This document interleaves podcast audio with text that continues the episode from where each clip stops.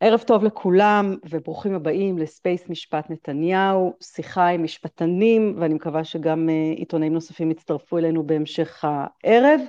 אנחנו הערב הולכים לדבר על כמה נושאים שהיו לנו השבוע, אמנם השבוע לא התנהל משפט נתניהו בשל ענייני קורונה בקרב צוות התביעה ובריאות לכולם, אבל מה שכן קרה השבוע זה שנסגר סיבוב של משא ומתן להסדר טיעון לנתניהו, נסגר מבלי שההסדר הזה יצא אל הפועל, אנחנו נדון בזה, ננתח את מה שקרה בסיפור הזה, אנחנו נדבר גם מעט על הסדר הטיעון של דרעי, המשמעות שלו גם בהקשר של הסדר הטיעון לנתניהו ובכלל, ולקראת סיום כהונתו של מנדלבליט בשבוע הבא, אז אנחנו גם ניגע, כל אחד ייתן את נקודת מבט שלו על כהונת היועץ המשפטי לממשלה מנדלבליט, וגם נדון בהקמת ועדת החקירה הממלכתית בפרשת הצוללות, אירוע היסטורי, אירוע שמתנהל, שקורה במקביל למשפט פלילי שמתקיים,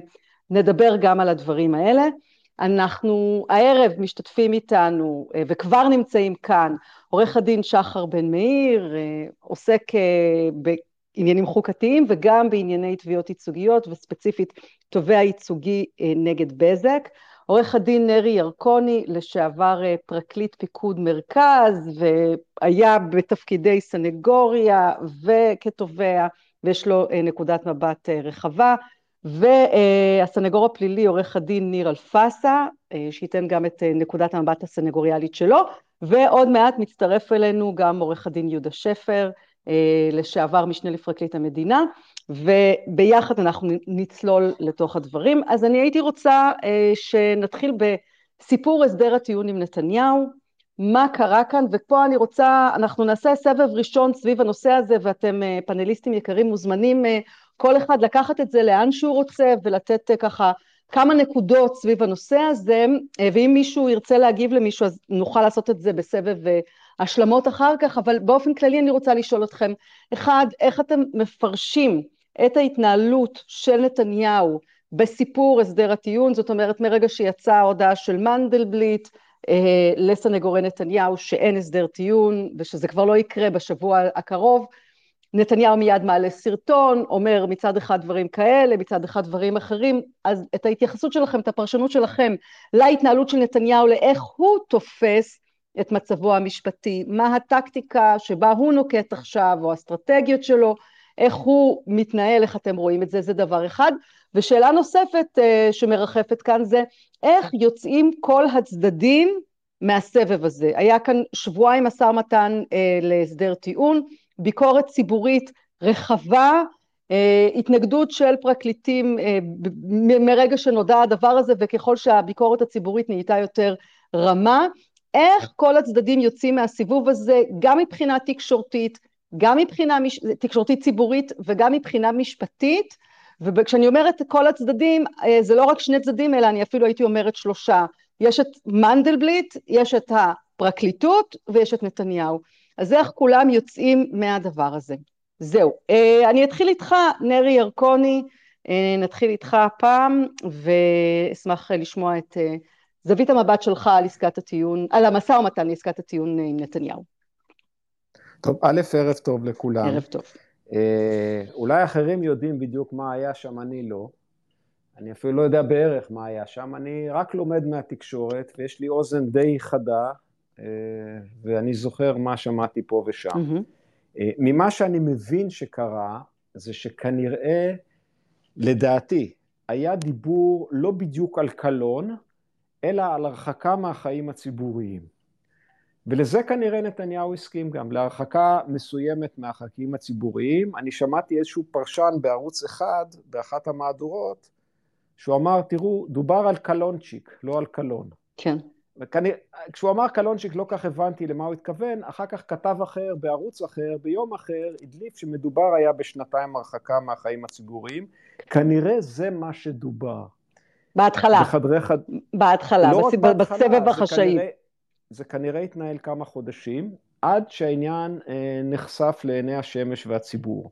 עכשיו, ברגע שהעניין נחשף לעיני השמש והציבור, וזה כבר אמרתי לפני שבוע, לדעתי היועץ המשפטי עשה טעות ואמר בלי קלון אין עסקה, או אני אתעקש על קלון או משהו כזה, שזה טעות, כי בעצם בלי קלון אין עסקה זה אין עסקה, כי היה ברור שמפה והלאה אנחנו כבר לא מתקדמים לשום מקום.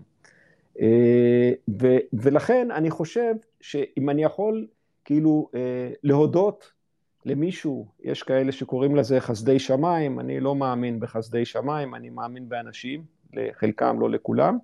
אז אם אפשר להודות למישהו, אז אה, להודות לבן כספי, בן כספית שחשף את המשא ומתן החשאי הזה, חשף אותו לעיני השמש והציבור, גרם למנדלבליט לעמוד ולהגיד בלי קלון לא יהיה כלום, ו- ועכשיו אין כלום. אני רק רוצה לומר כהערה, וחשוב שזו דעתי, אני חושב שעסקת טיעון זה לא דבר רע באופן כללי עם אף אחד. לא עם רוצחים, לא עם אנסים, לא עם שודדים וגם לא עם נתניהו. אה, עסקת טיעון עושים עם עבריינים, לא עושים עסקת טיעון עם, אה, עם זוכי פרס ישראל. ועסקת טיעון עושים עם עבריינים, עם שקרנים, עם נוכלים, עם כל מי שמועמד לדין בהורשה או בירושה. אה, ולכן הבעיה היא לא עצם, עצם עסקת הטיעון, אלא צריך לראות מה יש בתוך עסקת הטיעון הזאת, ואת הקלון היה צריך להשאיר לשלב שהוא היה צריך להגיע וזה לסוף, ולא להרים את זה בהתחלה, ומי שהרים את זה בהתחלה ידע בדיוק שברגע שהוא הניף את הדגל הזה אז נגמר המשא ומתן, כמו פחות או יותר, אם אני אעשה אנלוגיה, אנחנו במשא ומתן הפלסטינים, נגיד אנחנו לא מדברים על הפרטים, רק שיהיה ברור לכם שבלי ירושלים המאוחדת בירת ישראל, אין משא ומתן. אז אין משא ומתן, ובזה זה נגמר. כן, דיברת גם שבוע שעבר על הסדר אה, של הדברים ההפוך שבו פעל מנדלבליט, ואני רוצה לשאול אותך, נרי, לפני שאני עוברת אה, לניר, אני רוצה לשאול אותך, איך לדעתך, אם, אם יש בכלל השפעה, איך הצדדים השונים, אה, מנדלבליט, הפרקליטים ונתניהו, יוצאים מסבב המשא ומתן הזה, איך חוזרים למשפט, האם זה ישפיע על המשפט, מבחינה תקשורתית, איזה, אם בכלל יש לזה השפעה, ומה. צפוי בהמשך? האם הסיבוב הבא יגיע שוב בקרוב עם היועמ"ש הבא? תראי, זה לא, זה, אני חושב ש, שמגעים לעסקת טיעון זה לא משהו שהוא מתחיל ברגע מסוים והוא נגמר ברגע מסוים. זה משהו שהוא כל הזמן, אה, אה, הוא, הוא כל הזמן בראש של שני הצדדים, כשכל הזמן שני הצדדים בעצם, אה, יש להם סיכונים וסיכויים. אה, כאשר צריך לזכור ש, שהפרקליטות אסור לה, וזה חשוב לי להדגיש, הפרקליטות היא לא צד לדיון משפטי. הסנגורים ונתניהו כן, הם צד לדיון משפטי. הפרקליטות אמורה לייצג את האינטרסים של המדינה, את האינטרס הציבורי, מה שנקרא. Mm-hmm. לפעמים הם שוכחים את זה, והם חושבים שהם חייבים לנצח בהליך המשפטי. אני לא חושב שהם צריכים לנצח בהליך משפטי. אה, אני יכול לומר שכתובע, אחד הרגעים המרגשים שלי, וזה קרה לי לא אחת, ואני לא מתבייש בזה, זה שהייתי תובע והנאשם זוכה, ובאתי ולחצתי לו את היד ואמרתי לו בהצלחה ואני שמח בשבילך. כי אני לא חושב שאני צד, אני אישית לא, אין לי עניין בזה, אני הצגתי את הציבור, ואם השופטים החליטו שאתה זכאי, אני משתתף בשמחתך. אה, אני יכול להגיד שכאזרח מדינת ישראל, וזה לא קשור למה אני חושב על נתניהו, אני חושב שכאזרח המדינה, אם המשפט יתנהל כמו שצריך עד סופו, ובסופו של דבר יזוכה ראש ממשלה לשעבר או בפועל שהוא נאשם במשהו, אם ההליך היה תקין, אני חושב שכאזרח הרבה יותר טוב לי מאשר שהוא ייכנס לכלא. זה לא אומר מה דעתי כרגע על נתניהו ומה אני חושב על מה שהוא עשה. אני מדבר כרגע ברמה הקונספטואלית הפילוסופית. אוקיי. Okay. אה, בסדר, תודה נרי uh, לסיבוב הזה, אולי יהיו לך uh, דברים שתרצה להגיב לדברים שיגידו אחרים. אני עוברת אליך, ניר. אגב, אני, אני רק רוצה עוד הערה קטנה. אני חושב שהסיפור. של עסקת הטיעון עם נתניהו, uh, אצלי הוא מתחבר, ואחר כך תבינו גם איך, לסיפור של, עסקת, של הסיפור של הצוללות. אני חושב שאנחנו פה uh, משליכים מיחס אישי על פרסונה, על הליכים. וזה אסור שיקרה, זאת אומרת, אנחנו, יש לנו נוגדנים לעסקת טיעון כי זה נתניהו. יש לנו מצד שני אה, אה, drive אדיר לעשות פה ועדת חקירה ממלכתית על הצוללות, שוב, כי זה נתניהו. אז אותה הערה שהיה לי על המשפט, אני אשמור אותה להמשך, אז תהיו במתח על, הוועדת חקירה של הצוללות. בסדר גמור, אני רק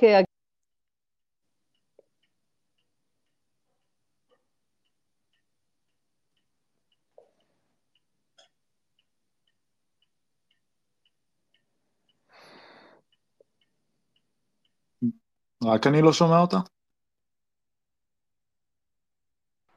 לא, כולנו לא, ש... כולנו לא שומעים אותה. נצטרך לחכות. כן. בתקופה של בלפור היינו בטוחים שזה מישהו מלמעלה. שומעים אותי עכשיו? עכשיו זה כנראה, עכשיו זה כנראה לא. עכשיו זה כנראה, יופי, עכשיו זה כנראה אתגרי הטוויטר. אז אה, כן, בדיוק אה, הועפתי כשרציתי להעיר הערה, אז אני לא יודעת, אני טועה אם זה אולי סימן שאני לא צריכה להעיר את ההערה, אבל אני אתעקש עליה בכל זאת. אה, לפני שאני עוברת אליך, אני רציתי רק לומר משהו אחד, נרי. אמ, שאני חושבת, מה זה אני חושבת? אני יכולה להעיד לפחות על עצמי. ההתנגדות המאוד גדולה שהייתה לעסקת הטיעון, לדעתי לא הייתה נשמעת אם הייתה מובאת עסקת טיעון ראויה לציבור, שיש בה רכיבים משמעותיים ברור. וכולי. ברור, אני אמרתי, כן. אני אמרתי שאסור שתהיה התנגדות לעסקת כן. טיעון בשבט, כן. ולא לעסקת טיעון בדיוק, בקמ"ץ. אוקיי. זה בדיוק ההבחנה אוקיי, שאני עושה, בסדר. כל מיני סיבות. טוב אז, טוב, אז טוב שחידדנו את הנקודה הזאת, תודה רבה נרי, ואליך ניר, לפני שהספייס מעיף אותי החוצה. אז ניר, איך אתה, איך אתה מפרש את ההתנהלות של כל הצדדים? גם איך אתה מפרש את מה שקרה השבוע ולאן זה הגיע, וגם איך אתה רואה את זה מכאן והלאה, איך כל אחד מהצדדים יוצא, האם זה ישפיע על המשך המשפט, תקשורתית, ציבורית, משפטית, אנחנו מקשיבים. כן. אה, קודם כל, כפינאלה בסוף, אה, הצלע השלישית שדיברת עליה, מנדלבליט, איך הוא יוצא, הוא פשוט יוצא לפנסיה, אבל זה לא מה ששאלת. כן. אה, אז ככה, בתור התחלה, כל ההתנהלות של השבועיים וחצי האחרונים לימדה אותנו שתיק האלפים הוא תיק רגיל. וגם בתיק הזה, כמו בתיקים רבים שמתנהלים בבית משפט, ונרי דיבר על זה, אה, תמיד אה, אפשרות של הגעה להסדר, אפשרות של הגעה לפשרה היא על השולחן. בכל תיק פלילי שיש בו סיכון אה, וסיכוי לכל אחד מהצדדים, ואם אני מסתכל על זה מהמשקפיים שלי כסנגור, אתה תמיד מעמיד את זה בתור משהו שאתה לוקח בחשבון, וכן, הציבור כולו נוכח לדעת שהתיק הזה הוא תיק רגיל בהקשר של האופן שבו הדברים קרו בו. עכשיו, אנחנו למדנו השבוע שבעצם אה, המשא ומתן היה אה, ממושך יותר מכפי שהסתמן, כלומר, הוא נמשך מספר חודשים, הוא התחיל, כך על פי דיווחים תקשורתיים, קראנו את זה בכתבה בארץ אה, השבוע, אה, בסוף השבוע שעבר, אה, כמובן מתוך פנייה של ההגנה עם הצעה מינורית, הצעה מינורית גם בהקשר של אה, טיב כתב האישום שעליו דובר, ההגנה גם הציעה באותה נקודת זמן שהתיק הזה יסתיים בעונש של מאסר על תנאי, אלו היו הדיווחים, ובהקשר הזה גם אפשר היה לגזור מסקנות מהעובדה שההגנה ממש הייתה נכונה להציע אה, הצעה של הרחקה משמעותית מהחיים הציבוריים אה, בואכה קלון. עכשיו, זאת הייתה היוזמה של ההגנה. מה שדווח בעצם תקשורתית, זה שמנדלבליט אה, קיבל את ההצעות הללו מהסנגורים של נתניהו, והתנהל איתם באופן חשאי. הוא לא אמר מה התשובה שהוא מחזיר, אבל בעצם על אש קטנה אה, עמדה הצעה שהיא מקלה, אה, מעט אנשים היו בסוד הדברים, אה, נאמר שכן עורכת דין בן ארי הייתה בתמונה, אבל הפרקליטים שהיו בקו האש עודכנו רק בעקבות הפרסום התקשורתי של בן, בן כספית. עכשיו, אני יכול להסכים עם האופן שבו השפיע הסיקור התקשור... השפיעה החשיפה התקשורתית על uh, uh, קריסת uh, ההסדר בסבב הזה. כלומר, החשיפה גרמה למה שיכול היה להתפתח uh, לנבול. Uh, כל מי שהציץ בקושי מהפתחים נכנס חזרה פנימה, וזה בהקשר של uh, האופן שבו התביעה חוותה את החשיפה, אה, הפרקליטים שהיו בחזית אה, נחשפו ליוזמה, ואז אה, יחד עם הביקורת הציבורית, גם התביעה עשתה את החושבים שלה לגבי הקווים האדומים שלה, והסתמן שהצדדים כרגע הם רחוקים. הם רחוקים באופן שבו הם רוצים אה, להגיע להבנות, ההגנה מושכת לכיוון שלה, אה, עם השאיפות שלה לדעתי שני דגלים אדומים, כמו שדיברנו תמיד, היו לא מאסר בפועל מאחורי סורג ובריח, והתוצר של זה זה בעצם הוראה מהשולחן של עבירות כי אה, זה בטח לא היה יכול להתקיים יחד עם אה, ענישה בעבודות שירות. אה, ובהקשר הזה, אה, ההגנה גם אה, קיוותה אה, אה, להצליח של הרחבה מהחיים הציבוריים, אה, קלון. ניר, ניר, אתה יכול טיפונת לשפר אה, את המיקום שלך? כי קלון בגלל שהיא רוצה כתב אישום, שיהיה בו אה, משנה חומרה ברמה הזאת שלא ישונמך עתיק עד כדי כך ש... אוקיי, אני אחזור על זה. טוב. אני אומר... ניר, ניר, ניר, תעצור רגע. לא שומעים? זהו, תעצור שנייה. אז שומעים אותך מקוטע, יכול להיות שזה עניין של אה, מרחק מהווי-פיי או משהו כזה? יש אפשרות אולי לשפר טיפה? אם, אם זה זה. אה, עכשיו זה יותר טוב? בוא ננסה, בוא ננסה. פשוט היית מאוד מקוטע okay. אוקיי. וקשה היה להבין uh, את, uh, את כל המילים. אני עוד אחזור טיפה אחורה על מה שאמרתי. התביעה מבחינתה לא הייתה uh, נכונה כך זה, כך זה נקרא, אה, לשנמך את כתב האישום ברמה כזו שהוא לא ייצר מסה קריטית של עובדות שתוביל לקלון. אז בעצם לא סימנו את ה... כן, אני שוב, אנחנו שומעים אותך מקוטע. Uh, אני רואה שבכלל ניר נעלם לי, אז אנחנו שוב uh, uh, עם התלאות של הספייס, אז עד שניר יחזור אלינו, ניר, אתה איתנו? נמצא? לא נמצא? טוב, אני מציעה שניר תתנתק ותתחבר מחדש אם אתה שומע אותי. אז שחר, שומע, אליך. שומע, שומע. אה, אתה עכשיו שומע, ניר? טוב, אז בוא, בוא ניתן uh, עוד uh, ניסיון אחד. Uh, בוא תנסה, ניר, להשלים את דבריך, ואם לא, אז תתנתק ותתחבר מחדש, בסדר? טוב. אתה איתנו, ניר? טוב, זה ממש קשה עם כל הקשיים uh, הטכנולוגיים האלה. אז ניר, אני מציעה שאתה תתנתק ותתחבר מחדש. שחר, אני עוברת אליך. שחר בן מאיר, איך אתה מסכם את uh, סיבוב המשא ומתן הזה uh, לעסקת uh, טיעון uh, עם נתניהו? כן, ערב טוב לאורלי ולכל מי שנמצא פה. אה, אני לא רוצה לדבר אה, הפעם, דיברנו על זה כבר לא מעט, אני לא רוצה לדבר הפעם כן. על, ה, על ה, אה, הטיב של העסקה או ה... כן, כן, את זה ניתחנו, יותר את איך אנחנו יוצאים מזה, איך יוצאים מזה. לא, לא, אז אני רוצה, אני רוצה רגע לדבר על, ה, על הדברים הכלליים בהקשר הזה. קודם כל, כמו שניר גם אמר, והוא קצת תיקן אותך, המשא ומתן לא נמשך שבועיים, המשא ומתן נמשך כנראה נמשך כמה חודשים, כן. בשבועיים אנחנו זה. עכשיו, את יודעת, אנחנו מדברים כל הזמן שהמשפט הזה מתנהל הרי בשני מישורים, הוא מתנהל גם במישור המשפטי בבית המשפט, אבל הוא מתנהל גם במישור התקשורתי. עכשיו, במישור התקשורתי אנחנו לא צריכים... אה, לא צריכים להגיד או להזכיר את התופעה של השופרות שכל עד עוד לפני שהוא נכנס, התיק קרס והתיק קרס והתיק קרס. כן. העובדה, העובדה שהנאשם בעצמו פונה ליועץ המשפטי, שהנאשם בעצמו שולח שליחים ברמה של אהרון ברק, זה כאילו לקחת את השליח הכי אה, בכיר שאפשר למצוא, אה, אה, שיעזור לו במשא ומתן, אומר לנו שמבחינת הנאשם, אה, כמובן מבחינת הסנגורים שלו שמשקפים לו את המידע ולא לא כמו השופרות, הוא מבין שהמצב שלו הוא לא קל, הוא מבין שהמצב שלו בוודאי בעבירה של הפרת אמונים בתיק 4000 והפרת אמונים בתיק 1000, המצב שלו מאוד מאוד לא קל, ובוא נגיד את זה בלשון המעטה, ויש לזה חשיבות, עוד פעם, הפעולה הזאת, למרות שהיא נעשית כאילו בעולם המשפטי, יש לה חשיבות אה, אה, גם בעולם התקשורתי לראות איך, מה באמת המצב של התיק.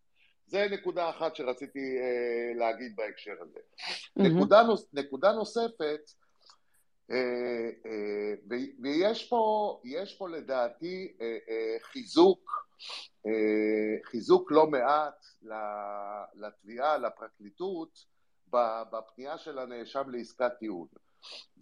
ואני אסביר בתמצית למה אני חושב כן. בעניין הזה. התביעה כשמגישה כתב אישום, יש, יש בפניה את כל החקירות שעשתה המשטרה, אין לה עדיין חקירות נגדיות, הנקודת מוצא של, ה, של התביעה, של הפרקליטות, שהיא מגישה כתב אישום, אומרת, אם כל האנשים שחקרנו, אם זה העדים, אה, אה, כולל הנאשמים, אבל הנאשמים לא חייבים להעיד, אבל אם כל העדים שחקרנו יבואו לאולם בית המשפט ויחזרו על הדברים ולא יחזרו בהם בחקירה נגדית, אז אה, זה מבסס, זה מבסס הרשעה גם, גם מבחינה עובדתית, ש, שמתקיימות העובדות שניתנות בכתב האישום, וגם מבחינה משפטית שהעובדות האלה מבססות את העבירה.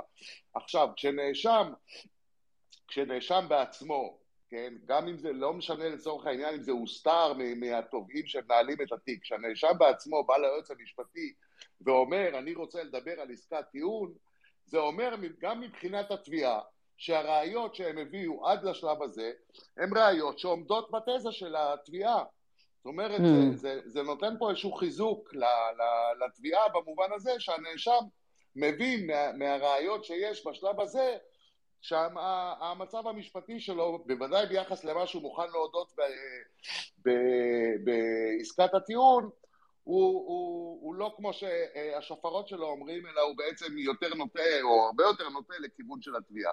נקודה שלישית ואחרונה שאני רוצה לציין, ועוד פעם, זה, זה תמיד המשחק, במיוחד שהנאשם מספר אחד משחק אותו, בין, ה, בין המשפטי לבין התקשורתי. הסרטון ש, שנתניהו אה, הוציא אחרי שהסתיים, נקרא לזה, הסבב הזה של המשא ומתן, אני, מה פתאום, אני לא הסכמתי אף פעם לקלון, וזה לא נכון שאני הסכמתי לקלון.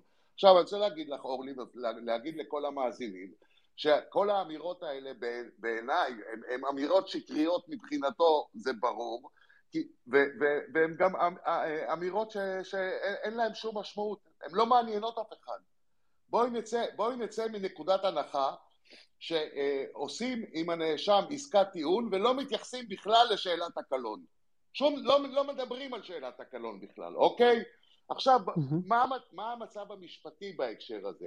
ברגע שהנאשם אה, אה, יורשע ב, בעסקת טיעון ב, עם עונש מאסר של אה, מעל שלושה חודשים, אה, ועבודות שירות זה לצורך העניין עונש מאסר, היה על זה ממש פסק דין היום בעליון שהזכיר בדיוק את ההלכה הספציפית שאומרת שעבודות שירות זה, זה, זה מאסר שנושאים אותו בזה, בעבוד, בעבודות שירות. ברגע שהוא אה, נגזר דינו לשלושה חודשי מאסר או יותר, סעיף 6 לחוק הבחירות, לחוק יסוד הכנסת, לא מאפשר לו במשך שבע שנים להופיע ברשימת מועמדים. בסוף הסעיף, בסיפה של הסעיף, יש תנאי שאומר, אלא אם כן, זאת אומרת, הכלל הוא שאם יש לך מאסר שלושה חודשים או יותר, אתה שבע שנים לא יכול להיות ברשימת מועמדים לכנסת. אלא אם כן, כתוב בסיפה, יושב ראש ועדת הבחירות קבע שאין לך קלון. שימי לב mm-hmm. שהקביעה היא של יושב ראש ועדת הבחירות שאין לך קלון. אז נניח עוד פעם, סתם מקרה היפותטי, שבאים לבית המשפט ולא מדברים על הקלון וגם הנאשם מתפטר, יש פה בעיה אחרת, אה, תכף נתייחס אליה, הנאשם כמו במקרה של דרעי מתפטר מהכנסת 48 שעות לפני שמגיעים, יותר מ-48 שעות לפני שמגיעים לבית המשפט ואז אומרים לבית המשפט הוא כבר לא חבר כנסת, אתה לא צריך להכריע בשאלת הקלון או לא. נניח שזה קורה, אז ברגע שיהיה אה, בחירות הוא צריך לשכנע את יושב ראש ועדת הבחירות, אחד מהשופטי, משופטי בית המשפט העליון, שהעבירות שהוא הודה בהן והורשע אין בהן קלון ואני לא רואה שופט עליון אחד שאומר, יקבע שאין בעבירות האלה קלון. אצל הנאשם הספציפי הזה, ואני חוזר לסוגריים שפתחתי, יש גם בעיה נוספת. כי גם אם הוא לא חבר כנסת, כמו במקרה של דרעי, יש כל מיני אה, החלטות גמלאות אה, אה, של ועדת, ה, ועדת הכספים או ועדת הכנסת לגבי נושאי משרה ברשויות ציבוריות שפורשים. והוא ראש ממשלה לשעבר, ויש לו כל מיני הטבות שהחוק נותן לו כראש כן. ממשלה לשעבר, ויש סעיף מפורש באותן החלטות שאומר שישללו ממנו את החלק מההטבות האלה אם הוא הורשע בעבירה שיש עימה קלון, ככה שבכל מקרה, גם אם הוא יתפטר מהכנסת באותו סידור שדרעי עשה, לצורך השאלה האם אה, מגיעות לו הטבות או לא, תצטרך איזושהי ערכאה משפטית לדון ב, ב, בסוגיה של הקלון, אבל אני חוזר, אני חוזר ב, ב, בעצם לסיום, באותו סרטון שאומר אני לא הסכמתי לקלון, זה, זה פשוט שקר אה, אה, גס, כי זה לא מעניין את אף אחד אם תסכים או לא. גם היועץ המשפטי לא צריך שהוא יסכים לקלון. היועץ המשפטי יכול לבקש מבית המשפט שיהיה קלון, ואם הוא יתפטר מהכנסת לפני זה, אז יושב ראש ועדת הבחירות, הוא הנאשם, יצטרך לשכנע אותו שאין בעבירות שלו משום קלון. אוקיי. Okay. תודה אה, שחר. אה, יהודה שפר אה, הצטרף אלינו, ראיתי שהצטרפת, אבל אנחנו קודם כל חוזרים לניר, שקודם נקטעו דבריו, אז ניר חזרה אליך, ולפני שטוויטר זורק אותך, אז אני רק רוצה גם שאנחנו נדבר לא רק על מה היה, אלא גם איך יוצאים מזה, זאת אומרת, איך הצדדים יוצאים מזה, איך אתה מפרש את הנקודה שבה נמצאים הצדדים עכשיו. אז קודם כל, אה, בהשלמה למה ששחר אמר, כן. אה, הסרטון, הרי אני לא מתיימר לתת עצות תקשורתיות לנאשם מספר אחד, קטונתי, אבל אה, צריך לשמוע את מה שהוא לא דיבר עליו, כשהוא עלה לתקשורת עם סיום הסבב הזה של, ה, של הניסיונות להגעה להסדר. ברגע שהוא אומר, אני מעולם לא הסכמתי לקלון, בעצם הוא לא שב ואומר לכל מי שמוכן להקשיב לו, שלא הייתה לו כוונה להודות בכל מה שנאמר שהוא אמור היה להודות, כלומר מבחינת עבירות. אה, ואנחנו מדברים על תיקי אלף ותיקי ארבעת אלפים בהקשר של מרמה והפרת אמונים. עכשיו, אם אתה כבר נדרש אה, לבוא ולומר שהיו פרסומים שאתה אה, תוקף אותם, יש משמעות תקשורתית, שוב, לא משפטית, לאופן שבו קיבלת באופן מפויס את הטענות שהייתה לך נכונות להגיע להסדר טיעון משפטי עם הודיה והכרעת דין בהיבטים של העבירות הללו. עכשיו, זה לא הפתעה גדולה שהנאשם מספר אחד רוצה שיהיה לו את העונש הכי קל שאפשר, שבעצם אה, התוצאה אה, של מה שהוא מתכוון להודות בו תיקח אותו למקום של אה, הקלה מרבית בעונש, ברור שלזה הוא חותר, אבל אם המוזיקה בעבר, במועד ניהול השימוע, ואז במועד הגשת כתב האישום הייתה שנתפרו כאן תיקים, ושלא היה כלום כי אין כלום, לא שמעת את זה כשהוא התייחס בעצם לסבב הזה של המשא ומתן. הדבר היחידי שהוא בעצם נכון. אמר, אה, הוא לעניין הקלון, ויש לזה משמעות בפן התקשורתי. אז מה המשמעות? זהו, אז אני אומר, אם אני יוצא מכאן קדימה, בעצם בסך הכל מה שההגנה, כנראה, תקשורתית לפחות, מסמנת, זה שהיא יודעת שהיא יצרה בנקודה הזו לא כדי לחזור אחורה, אלא כדי לנסות אה, לקדם אולי בעתיד, בד בבד, עם ניהול ההליך המשפטי והכפירה והמשך חקירת העדים בבית המשפט, אה, ככל שהזמן אה, יעבור.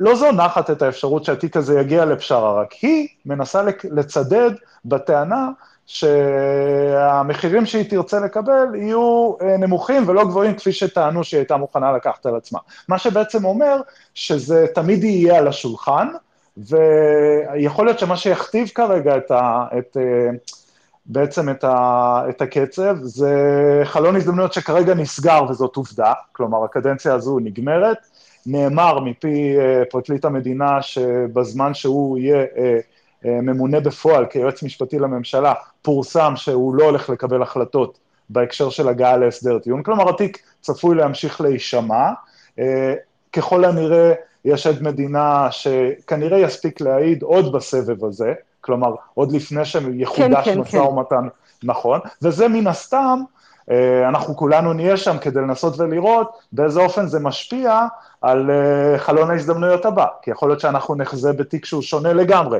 אה, לטוב או לרע, תלוי מאיזה צד אתה מסתכל, כלומר, יכול להיות שתיק כן. 4,000 ייראה לכולם שונה, וזה ישפיע על המחיר בעתיד. עכשיו, כולנו יודעים כסנגורים וכאנשים שנמצאים בבתי משפט, שהסדר תמיד יכול להיות על השולחן, אבל בכל נקודת זמן, המחיר של ההסדר יכול להשתנות. אה, לפעמים לטובה, לפעמים לרע, כי ההליך המשפטי לא נח ומחכה ועומד על אה, אה, מקומו עם אותן הצעות. הצעות שישנן היום, יכול להיות שבעתיד לא תהיינה, אבל אני אומר את זה לשני הצדדים. מבחינת הפרקליטות, אני מניח שבחלק של האופן שבו השורות מסודרות, אני מניח שהייתה שם איזושהי מהומה פנימית בהקשר הזה ש... חלקים ניכרים מהאנשים שנמצאים בחזית ומנהלים את התיק בבית משפט, נחשפו, כך לפחות דווח, אה, להתפתחויות, בו בזמן שהם בעצם מנהלים את החקירות ונלחמים בבית משפט, ובמקביל אה, אה, נרקמת לפשרה. אני מניח שמה שהיה לא יהיה יותר, וצוות הפרקליטים שמנהל את התיק בבית משפט יהיה חלק או יהיה בתוך סוד העניינים, וזה לא יהיה סוד כמוס יותר שיהיה שמור רק לבכיר במערכת. אני מניח ש... הבנתי, זאת אומרת, אתה אומר שבכל מקרה לסבב הבא זה יתנהל אחרת. יתנהל אחרת, ואני חושב שגם יהיה יותר משמעות לאופן שבו ייראה כתב האישום לאור הראיות, והראיות זה בעצם הפרקליטים שהם מנהלים, והם לא ייתנו לדברים להיעלם אה, בלי שדעתם תישמע. אה, ושוב, אנחנו אף פעם לא יודעים מי יישב שם על הכיסא אחרי כן. שימונה או תמונה היועצת המשפטית אה, הבאה. אוקיי. אוקיי, בסדר, תודה ניר. אליך יהודה, אה, אנחנו, אתה איתנו, יהודה שפר. אפשר, אפשר הערה קטנה רק לשחר? כן, הערה קטנה לשחר, קטנה, ואז אנחנו כן. מצטרפים, ש... אין בעיה. שחר אמר שלדעתו נתניהו שיקר כשהוא אמר שהוא לא הסכים לקלון. אני לא חושב ככה. אני חושב שבכל משא, המשא ומתן החסוי שהיה, לא סוכם על קלון, סוכם על הרחקה מהחיים הציבוריים לפרק זמן מסוים, או כפי שזה כונה קלונצ'יק. המילה קלון נאמרה על ידי מנדלבליט רק כשזה נחשף, ולכן בעניין הזה אני מוכרח להגיד, אני חושב שהוא לא שיקר. וזו רעידת אדמה בפני עצמה, אם יורשה לי להגיד. אני, אה, אני לכל אורך הדרך, אורלי, מנסה לנתח את הדברים אה, מקצועית, ולא מה תחושותיי לא, לא, לא, ברור, ברור, לא, אני רק אומרת, כן, כן, כן, כן. אני לא, אני לא מחסידיו, ואני לא חושב שמישהו חושד בי מזה.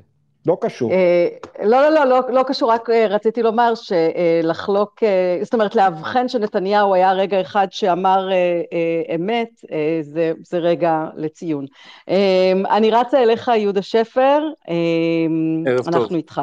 ערב טוב. אז איך אתה, אני אתן לך את השאלה שלא שמעת בתחילת הדרך, איך אתה א', מפרש את ההתנהלות של נתניהו מרגע שהתברר שפוזרה המסיבה של הסבב הזה של מסע, של המשא ומתן, ואיך יוצאים מהמשא ומתן הזה עכשיו קדימה מבחינה תקשורתית ומשפטית, מנדלבליט, הפרקליטות ונתניהו. טוב, ערב טוב. אני אה, מתחילת, אני כבר, מרגע שפורסמו השמועות על המגעים, אז איבדתי דעה די נחרצת בעניין הזה. לשמחתי עדיין לא יצאתי שותי הכפר, בינתיים כל מה שאמרתי אז התממש, אז אני יכול להישאר... אתה הימרת, אני רק אגיד לכולם שאתה הימרת גם, גם בפרטי וגם בציבורי, כן, היה לך הימור מאוד ברור.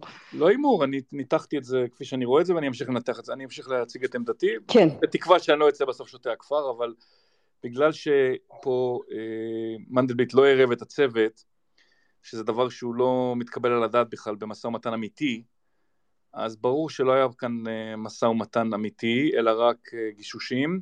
כשאני אומר משא ומתן אמיתי, להסדר טיעון הכוונה היא לניס, לניסוחים על כתב אישום מתוקן. זה לא הגיע לרמה הזאת ולא יכל להגיע לרמה הזאת בלי הצוות.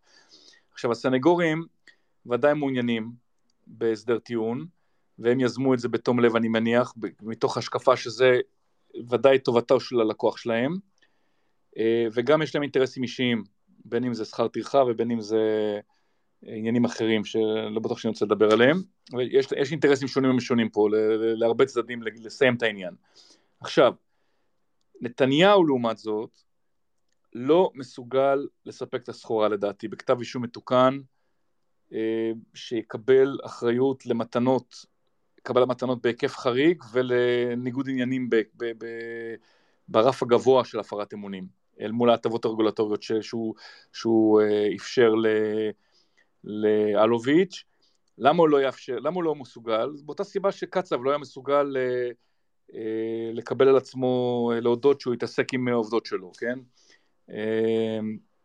ומצא את עצמו באישום של אונס.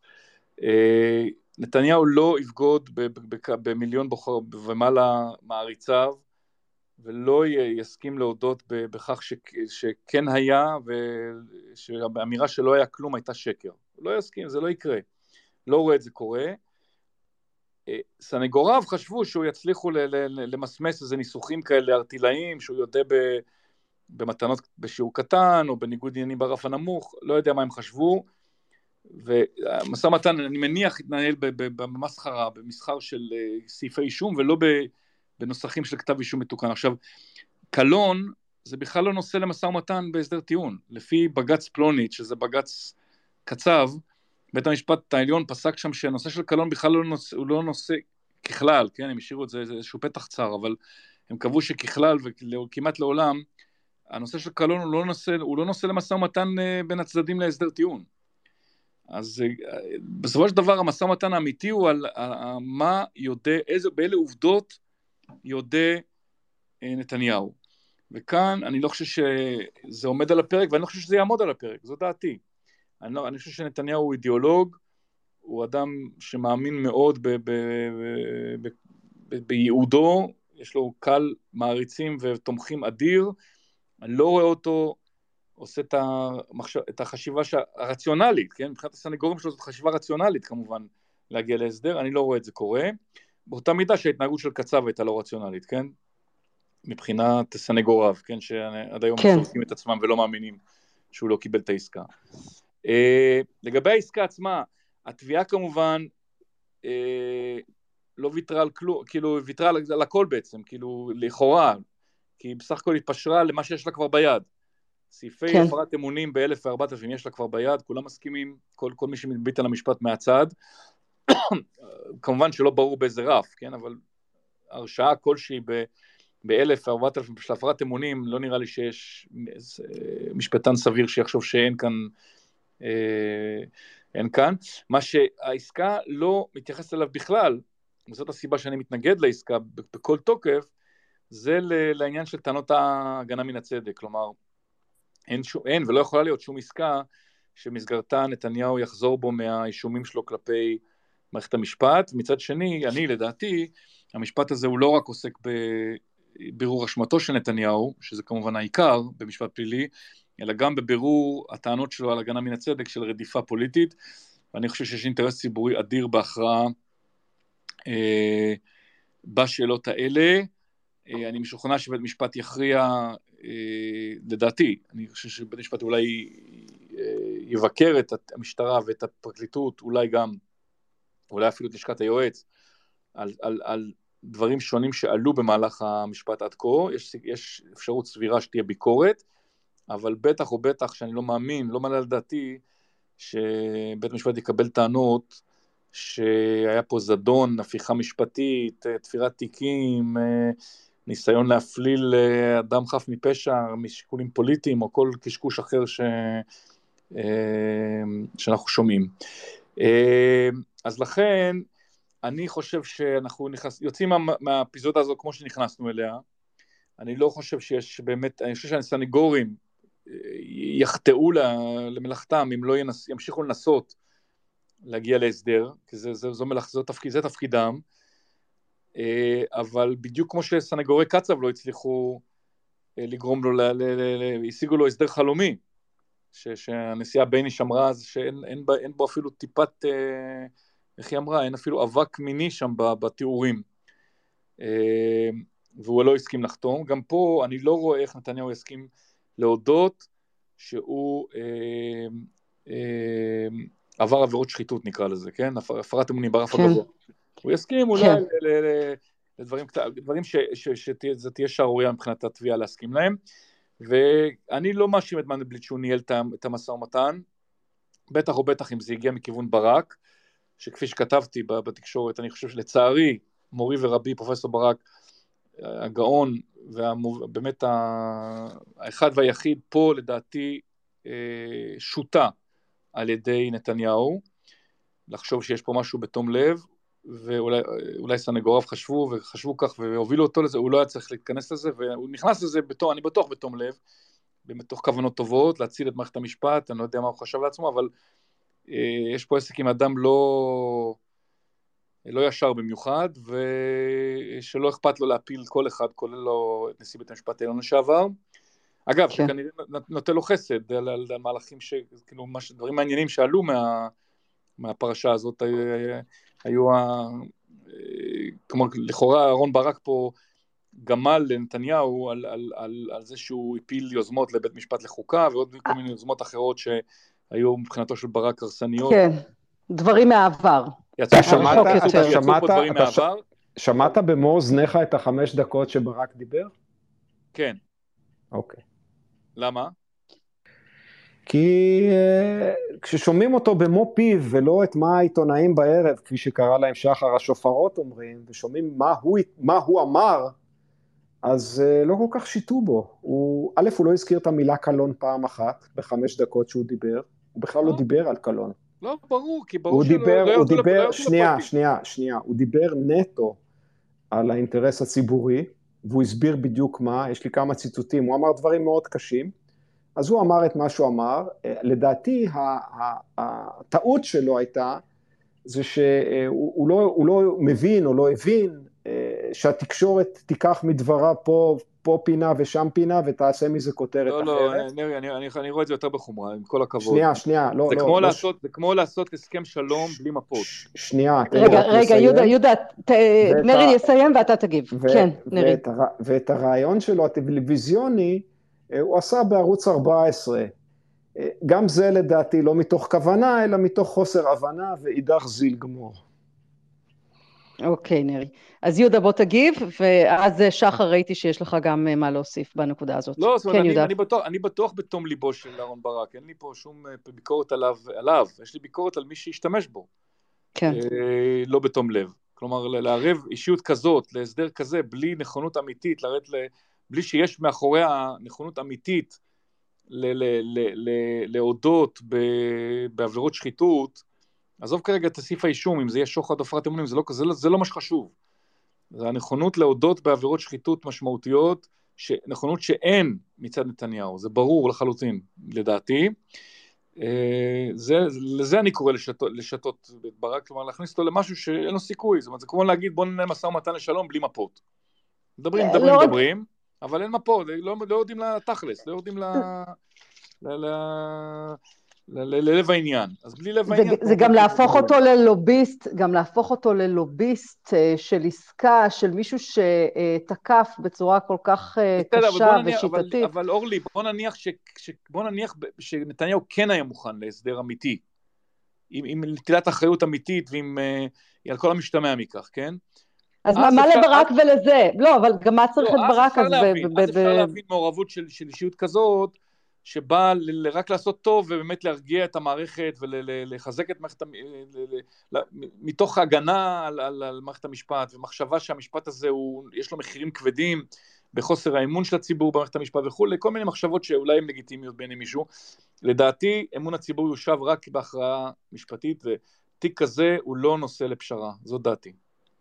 תודה יהודה, אני רק רוצה להגיד בהקשר הזה שאני ממליצה על אה, להקשיב לפודקאסט אה, שגיא רוניק אה, וענת ג'ורג'י ראיינו בדה מרקר את משה לדור ממש לפני כמה ימים, בהחלט, גם סביב העניין הזה, מומלץ להקשיב ומומלץ להקשיב מה אומר משה לדור גם בנושא אהרון ברק, שוב עם כל הערכה והערצה וכולי וכולי, סביב הנקודה הזאת, אה, ביקורת אה, מאוד, מאוד לא פשוטה שנותן משה לדור בעניין הזה. אגב, אורלי, שחר...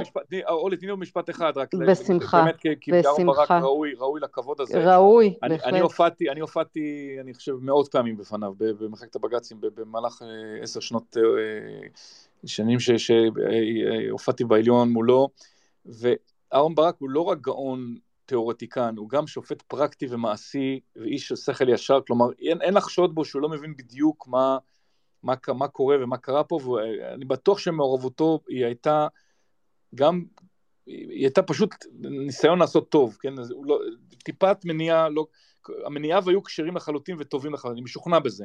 אני מצר כן. על כך, שאני, כי אני חושב שנתניהו פה שיטה בכולם, כולל בסנגוריה וגם בו, ועל כך אני מצר. אוקיי. בסדר גמור. אה, שחר, רצית להעיר משהו לפני שאנחנו סוגרים את אה, סיבוב עסקת הטיעון של נתניהו ועוברים להסדר הטיעון של דרעי? וניר, אני רואה ש...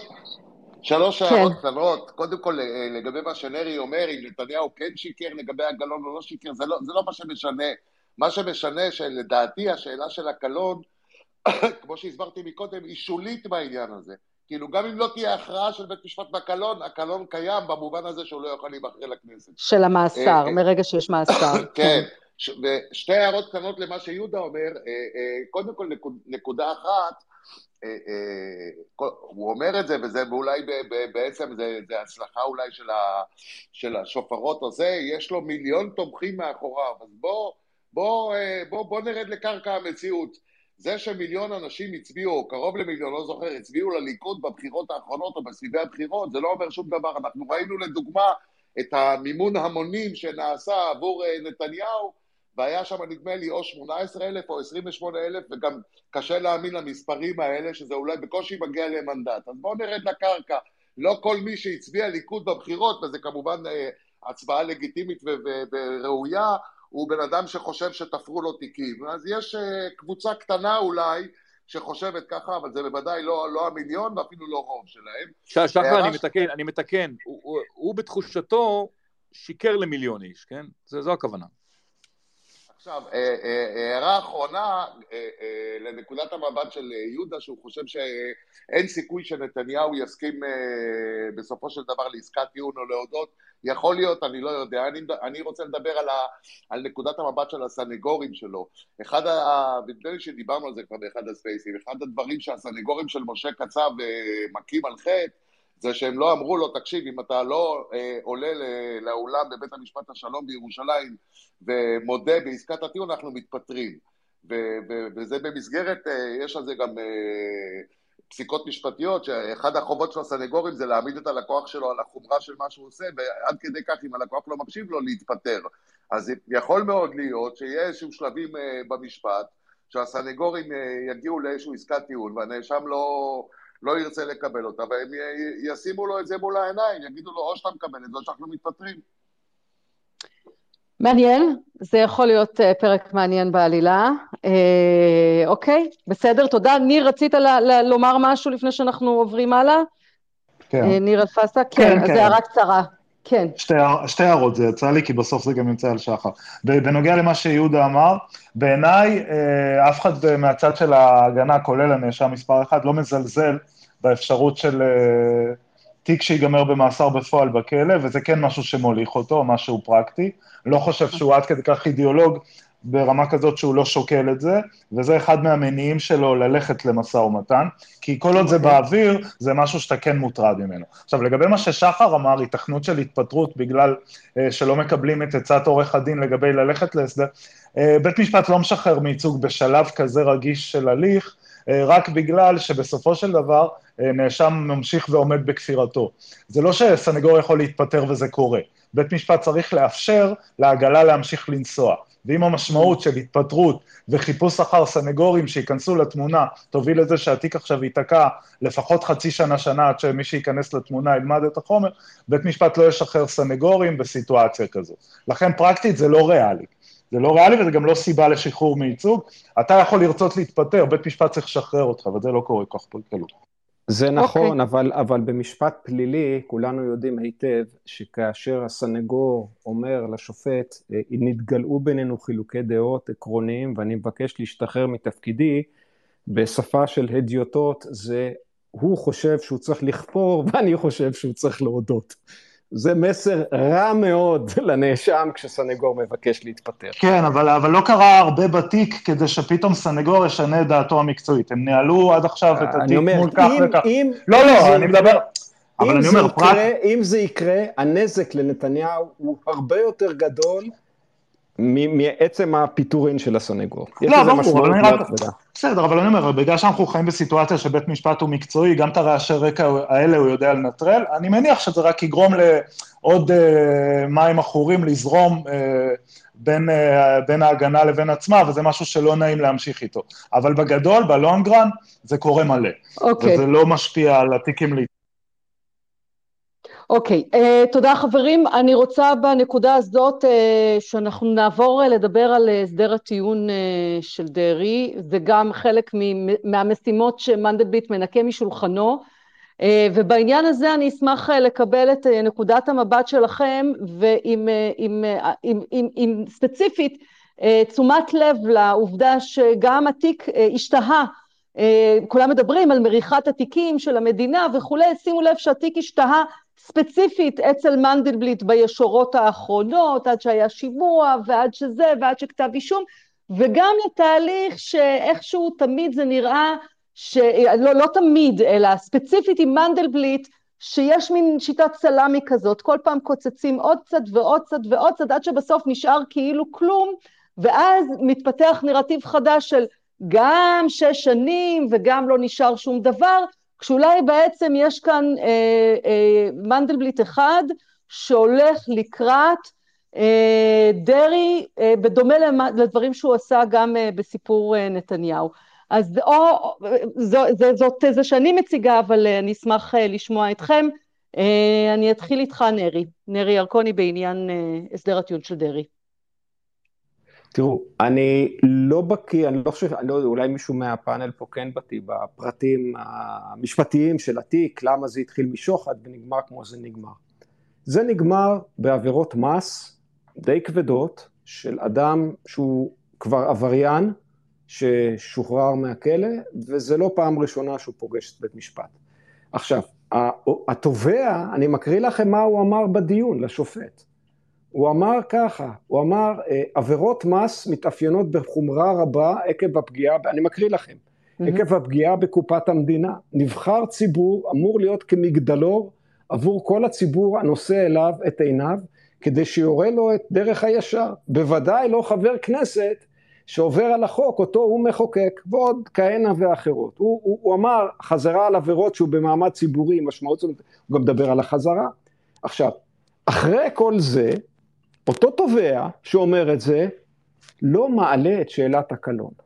עכשיו, למה הוא לא מעלה את שאלת הקלון? כי דרעי התפטר 24-48 אה, שעות קודם. כן.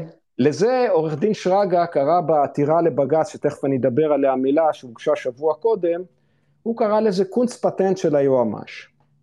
אני קורא לזה ישראבלוף. תראו, אה, קלון נזכר בחקיקה הישראלית כמשהו שהוא מונע אה, אה, תפקוד או, או אה, לקבל תפקיד מסוים. אני חושב שלא הרבה אנשים יודעים, הוא מוזכר בחקיקה הישראלית קרוב ל-200 קרוב ל-200 דברי חקיקה. דירקטור בכל מיני מקומות, ואחראים, ומשקיפים, ים דברים שאם יש לך קלון אתה לא יכול לכהן בהם. יושב ראש מפלגה, זה בסדר, מסיבה פשוטה, זה לא כתוב בחוק שאסור להיות יושב ראש מפלגה עם קלון.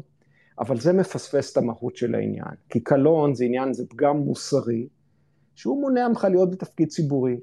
אני לא חושב שיש מישהו במדינת ישראל שחושב שיושב ראש מפלגה זה לא תפקיד ציבורי. אז זה לא כתוב בחוק. ולכן אני חושב ששיחקו פה איזשהו משחק, גם מנדלבליט בעיקר, והתובע שמקבל את ההנחיות, והשופטים גם. לא יכול להיות שאחרי דברים כאלה, עובר פה משהו, וזהו, והקלון לא קיים. ומחר בבוקר בעצם יכול דרעי לבוא ולהיבחר עוד פעם. הוא לא ייבחר, כי יש מישהו אחר כבר שצריך לעשות את העבודה, יושב ראש ועדת הבחירות, יהיה עוד בג"ץ, תכף אני אדבר על למה יהיה עוד בג"ץ. אבל קרה פה משהו שעבר ישראבלוף. ישראבלוף אחד גדול, ולא יכול להיות, וזה מתחבר אצלי לעסקת דיון עם נתניהו, וזה תכף יתחבר גם לצוללות, לא יכול להיות שיועץ משפטי לממשלה ייתן את ידו, אני לא יודע אם ייזום אולי, או יהיה הרוח החיה, בעסקת ישראבלוף מהסוג הזה. עכשיו, בג"ץ דחה את העתירה מסיבה נורא פשוטה, כי בג"ץ לא עוסק בעניינים היפותטיים. בג"ץ בא ואמר לאגודה לאיכות השלטון, אמר להם, תראו, הוא לא חבר כנסת, הוא כרגע לא מכהן בשום תפקיד אחד מתוך ה-180 ומשהו חוקים שקלון לא יכול לאפשר לו לכהן בהם.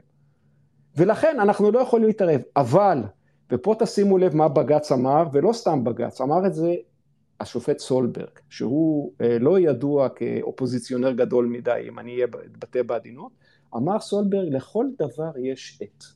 והעת לדון בקלונו של דרעי עוד לא הגיע.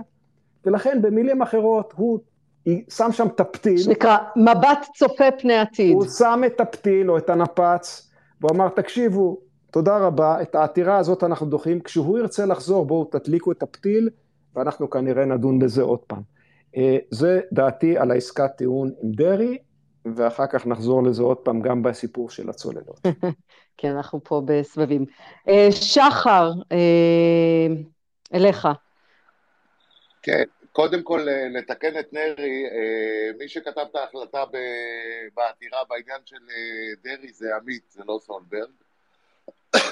זאת, זה, אלה, אלה, היו, אלה היו דבריו אבל. לא, יכול להיות, אבל אני חושב שגם, אה, נדמה לי שגם עמית אמר את זה בדיון, אבל לא משנה. היה פה אה, אחד, זה מה שהוא אמר.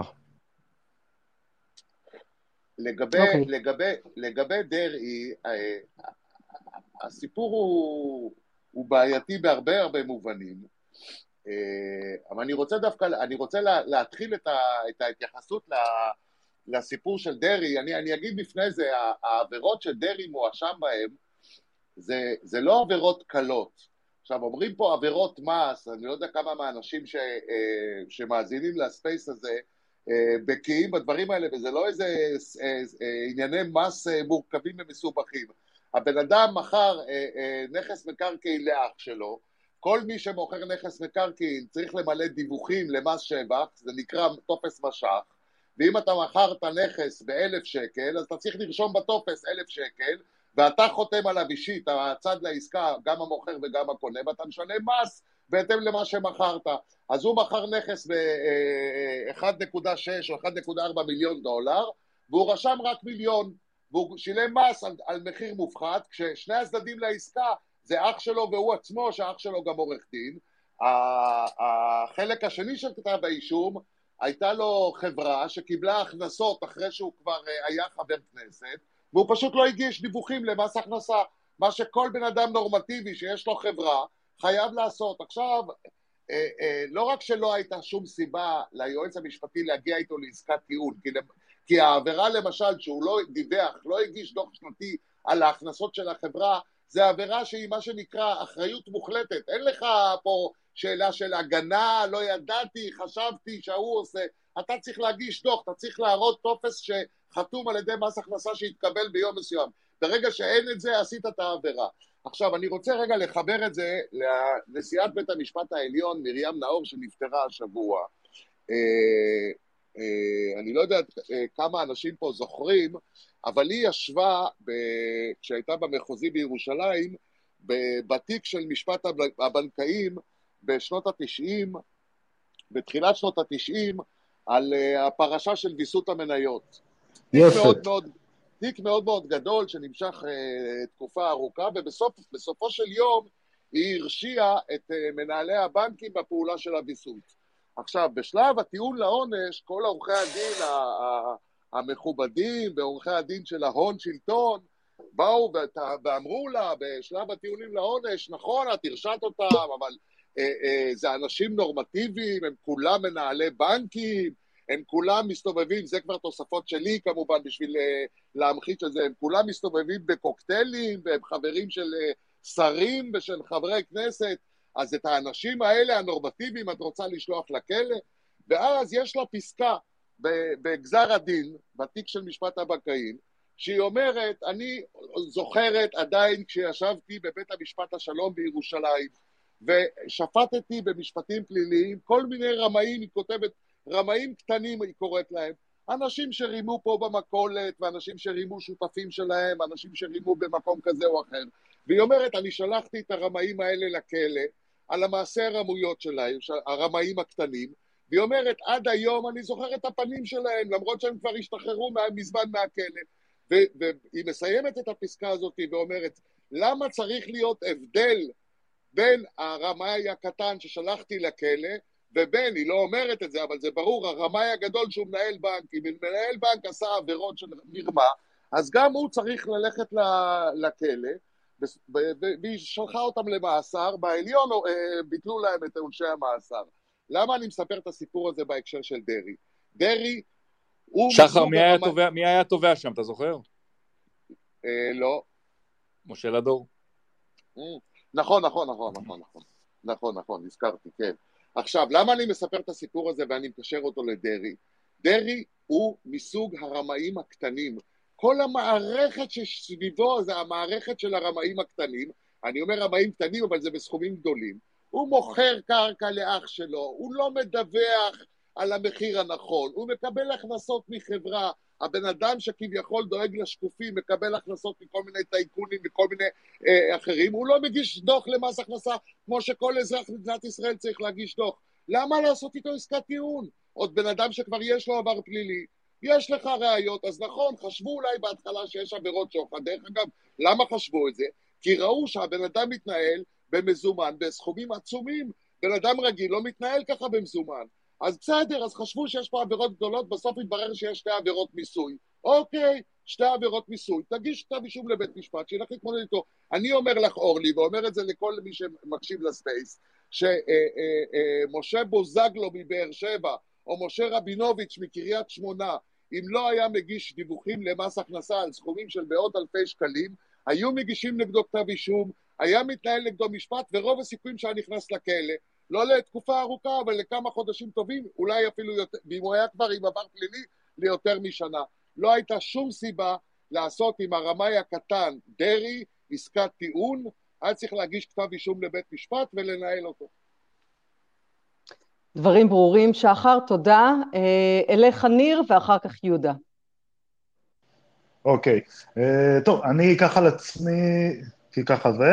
אתה לא חייב, אתה לא חייב. לא, לא, רגע. לא, כי יש מה להגיד, בכל זאת, כאילו, כדי לנסות כן. לצבוע את הצבע האחר של התמונה. הסנגוריאלי, אה, כן.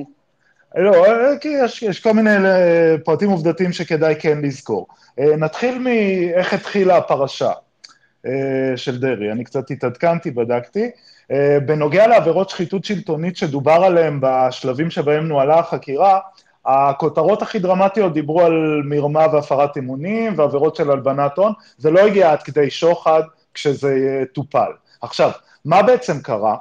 אה, לפני שהגיעו לסיטואציה של אה, כתב חשדות, אה, שלאורו היו אמורים לקיים את השימוע, כל הדרג המשפטי, לא רק מנדלבליט, וזה אם אנחנו משווים כאילו לאופן שבו נחלקו הדעות בתיקי האלפים, כל הדרג המקצועי המשפטי חשב שאין מקום מבחינה ראייתית לשקול אה, העמדה לדין בעבירות של שחיתות שלטונית שם. כלומר, שנים רבות שהפרשה הזו טופלה, כלומר, אה, היא התחילה עוד כשדרעי היה שר, בממשלה שקדמה ל-2015, כלומר בשנת 2013, ובהקשר הזה, בגלל זה גם היועץ המשפטי לממשלה נדרש לפרשה, מכיוון שדרעי אז כיהן כשר וזה היה רלוונטי.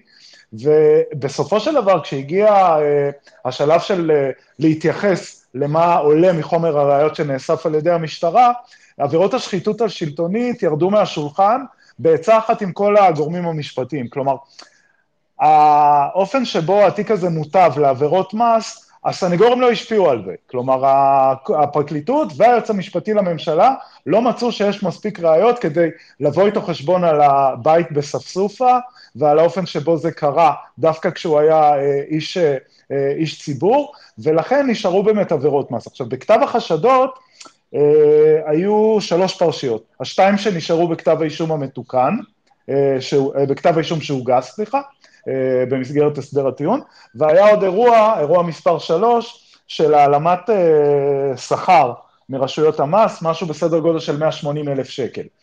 אם אני קורא נכון את האותיות של ההסדר, חלק מרכיבי ההסדר זה שיש את שני האישומים האלה, ויש הסכמה אה, להטלת קנס של 180 אלף שקל, שזה נראה לי אה, מה שנשאר מהאישום השלישי שהיה בכתב החשדות, אוקיי? ובעקבות זאת גם נכרת הסדר הטיעון. עכשיו, אני אומר ככה, אה, ככותרת, העבירות שנשארו שם, אני לא מזלזל ואני לא מתיימר פה אה, לצבוע בצבעים אה, חיוביים, אה, בעצם אה, העלמות מס, שהן אה, הלכה למעשה העלמת כסף שמגיע למדינה וכולי, הוא בעצם סייע, כך לפי האישום הראשון, להעלמת מס שבח מעסקת המקרקעין, כמו ששחר אמר, בעצם העסקה שונמכה בסדר גודל של מיליון וחצי שקלים פחות מכפי שהיא הייתה אמורה להיות, ובעקבות זאת גם המס שאח שלו שילם היה נמוך יותר, והוא בעצם נחשב כמסייע באישום הזה. זה עדיין עבירה מסוג עוון, אבל זה נכון שהשווי הכספי שלה, הבנו אותו, מס של מיליון וחצי, יש לו את הערך שלו, והאישום האחר זה אישום של הכנסות של uh, כמעט 600 ומשהו אלף שקל, שבעצם בסופו של דבר uh, uh, לא שולם עליהם המס, כי okay. לא היה אוקיי. דיווח כדין. עכשיו אני אומר ככה, okay. אוקיי. אני מניח שהמנגינה שנשמעה מההסדר המתון הזה, זה המחיר כביכול הציבורי ששילם איש הציבור על הכותרות המהדהדות לגבי שחיתות שלטונית שבהם uh, התנהלה הפרשה לאורך כל התקופה. עכשיו, הסיבה שבסופו של יום זה הפך להיות תיק מס נטו, מבלי לזלזל, הייתה ראייתית. לא אה, שעשו לו טובה.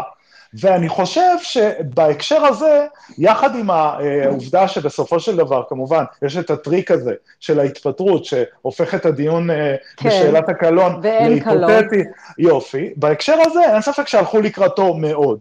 מה אה, בעצם אה, האינטרס של הציבור דווקא לעשות את זה, אה, ומי שהוא שליחו של הציבור זה בעצם היועץ המשפטי נכון. לממשלה, אני מניח שבגלל אה, כל ענות חלושה משפטית, שבה התיק הזה יסתכם מבחינה ראייתית ביחס לנקודת הפתיחה. עכשיו, אם אני משווה את זה לעולם שלי, של צווארון כחול, אני חושב שאם בסופו של יום חוקרים מישהו על עבירות דרמטיות, נניח של אה, מסוג פשע, בעבירות אלימות קשות, ובסופו של יום נשארה, אה, אה, כשמגיעים לישורת של קבלת החלטות המשפטית, נשארות בסוף עבירות שהן יחסית זניחות מסוג עוון, יש בזה משום אה, אה, השלכה על העונש שהאיש יקבל, בגלל האופן שבו הוא התחיל את הדרך. זה לא אבל קלאסי. אבל קלון, קלון זה לא עונש. שנייה רגע, שנייה רגע, אני אומר, קלון אני מסכים. זה לא עונש. נרי, אני לא נרי, מדבר, נרי. רגע, שנייה, אני רק רוצה, דווקא מתחבר למה שאמרת, כי אני מסכים עם מה שנרי אמר, שהעתירה שהיום היא היפותטית, והתוצאות שלה בעקבות זאת היו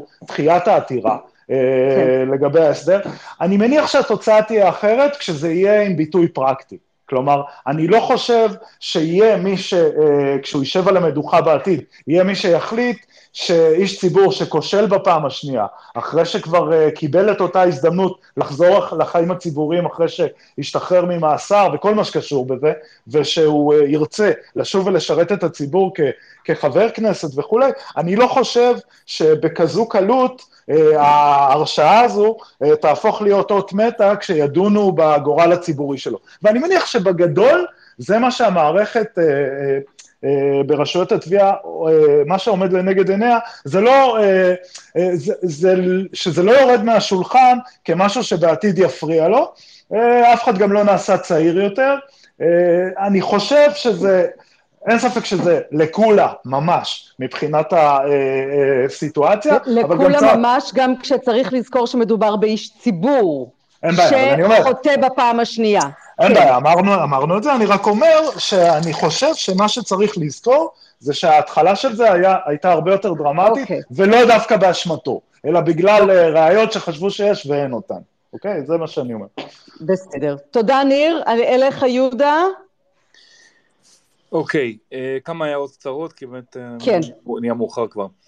קודם כל, עיקר הכישלון בתיק דרעי הוא לא של היועץ המשפטי לממשלה, אלא כישלון חקירתי. אה, היו פה העברות כספיות ממרטין שלף לאחיו של, של דרעי, ודבר כזה בעולם תקין צריך להסתיים ב, באיסוף ראיות ש, שיוכיחו שוחד. אני, אין לי זמן לפרט כרגע, אבל תאמינו לי שאני יודע על מה אני מדבר. אה, לצערי... אז, לא... אז למה זה לא קרה? לא, למה? לא, לא, לא בזדון. משטרת ישראל. כן, יש לנו משטרה טובה יותר, טובה פחות, לא תמיד היא מצליחה, ולא כל משטרה בעולם מצליחה תמיד, והכל בסדר, זה כאילו, אין, אין פה ביקורת, יש פה, צריך ל... אוקיי, היו פה חשדות מבוססים, היו פה חשדות מבוססים מאוד, כספים עברו ממרטין שלף, שהוא דמות משחדת, סדרתית של פוליטיקאים בישראל, לאחיו של פוליטיקאי מאוד בכיר, לאחיו של דרעי, הדבר הזה הוא לא תקין לפי כל קנה מידה, וגם אם לא הושגו לו ראיות שמספיקות למדע לדין פלילי בשוחד, זה דבר שצריך לעניין את כולנו. לגבי הסדר הטיעון, אני, יש, כמובן אפשר לבקר את ההסדר, אני גם מבקר אותו באמת. יש פה כמה דברים. קודם כל, אנחנו, התובעים שלנו, ובראשם היועצים המשפטי לממשלה, הם צריכים להיות גם ישרים, גם מקצועיים, אבל גם אמיצי לב. והנושא של אומץ לב, אני, אני לא מפקפק לא ביושרה ולא במקצועיות של אף אחד מהעוסקים בתחום. אה, גם לא, ודאי לא ביושרה ובמקצועיות של מנדלבליט, למרות הרבה דברים אה, שאני שומע לא נכונים לטעמי עליו, אבל כן בנושא אומץ הלב או בנושא השיקולים כאן, אפשר להשמיע ביקורת. יש לי חשש שהמתקפות על מערכת המשפט עושות את שלהן, ושיש פה איזשהו רפיון אה, מסוים ומחשבה לא נכונה, שבאמצעות הסדרים כאלה אפשר ל, לרפא. הריפוי היחיד הוא באמצעות, באמצעות אה, פסקי דין בבית משפט, זו דעתי. ויש כאן גם רפיסות מסוימת, אמר אה, ניר, שהוא דיבר על עבירות אה, עוון, אבל עבירת 220, עבירה לפי 220 למס הכנסה זו עבירה פשע. עבירות מס חמורות הן עבירות פשע. אז בעולם שלי, כשחוקרים עבירות, גם, גם בצווארון כחול וגם צווארון לבן, גם ארגוני פשיעה, אל קפונה, אם בסוף מה שמוצאים זה עבירות מס, אז זה מה שיש, צריך ללכת עם זה עם כל הכוח, עבירות מס זה עבירות מרמה חמורות. הקורבן הוא לא בנק או לא חברת ביטוח, הקורבן הוא ממשלת ישראל, הוא, הוא הציבור. מנהל רשות המיסים, כן. הציבור. אגב, אגב, אנקדוטה, כשאתה משוחח עם תובעים אמריקאים, הם מסבירים לך שמרמה כלפי מס הכנסה היא הרבה יותר חמורה מאשר מרמה כלפי בנק, או כלפי, כי שם, שם אתה גונב רובינות, אתה גונב מהעשירים. כשאתה גונב מהמדינה, אתה גונב בעצם, אתה, אתה גונב מעניים, כי למעשה מה שמ, הדברים הראשונים שמתקזצים זה, זה פרויקטי הרווחה של הממשלה. זה כך, כך, זה עניין של, זה עניין של השקפת עולם, מהן מה עבירות מס, עבירות מס בעיניי לפחות הן עבירות, עבירות חמורות ביותר של מרמה, וחבל, חבל שפה ויתרו, אבל שוב פעם, אה, אה, אני בטוח שזה לא נעשה מ, לא מחוסר יושרה ולא מחוסר מקצועיות, אלא, אלא יותר בקטע של חוסר נחישות ואומץ לב ו, ו, וכוח אה, להילחם את המלחמות האלה, okay. אוקיי. כי המלחמות האלה שוחקות, שוחקות, okay. אוקיי. ללא ספק, והמשפט נתניהו בהחלט שוחק. כן, אני, אני, מכיוון שיש לנו רק הערה, רק הערה, חצי משפט, הערה, כי יש לנו הערה. עוד שני דברים ברור. להספיק, כן. אה, במתוקן נתנו שם 216, 217, 220 לא נתנו. כן, בהסדר, בהסדר. בהסדר, רק בהסדר, בהסדר, לא. אבל היה פה 220. אוקיי, אוקיי. Uh, אני רוצה, לפני שאנחנו עושים uh, סבב uh, של סיכום כהונת מנדלבליט, uh, אז מכל אחד התייחסות קצרה, uh, ואני, ואני אתחיל איתך, יהודה, אם כבר אתה איתי כאן uh, על הקו.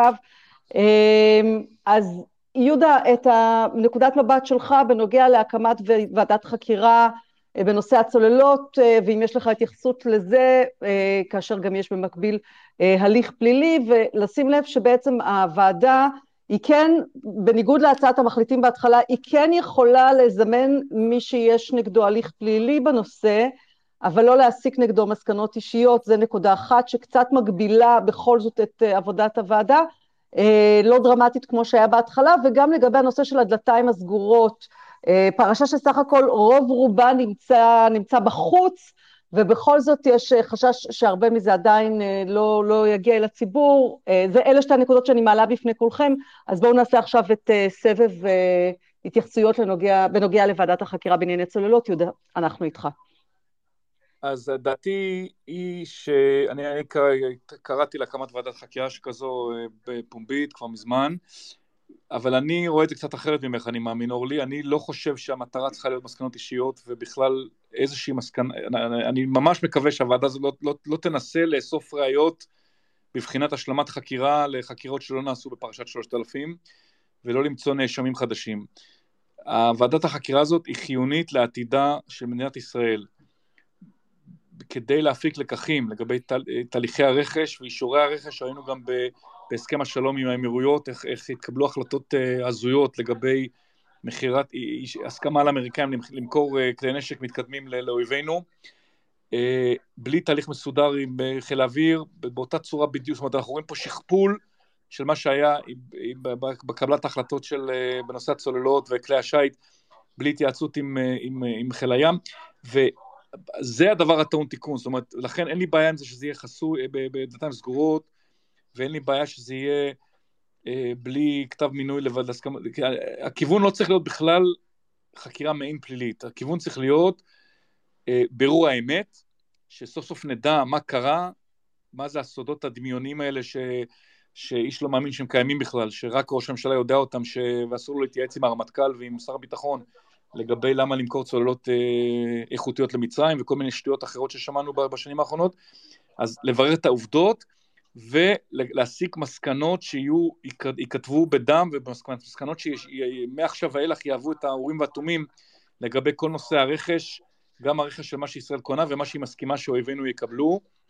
אה, ממש ממש חיוני לעתידה של המדינה, ואני מציע לא, לא לקוות ולא לא לדחוף לכיוון הפלילי בעבודת החקירה הזאת. זו דעתי. תודה יהודה, ולפני שאני מעבירה לדובר הבא, רק בגלל שבאמת אה, בתחום הזה העמקתי, אני רק רוצה לחדד כאן אה, נקודה. אה, בהפגנה שהייתה מול ישיבת הממשלה ביום ראשון האחרון, ראיינתי את אחד מהאלופים מהפורום הביטחוני שהגישו גם תצהירים במסגרת הבג"ץ, אני כבר לא זוכרת אם זה היה או דן הראל או עמוס מלכה, אני כבר לא זוכרת מי ממערכת אה, הביטחון שאמר לי את הדבר הבא.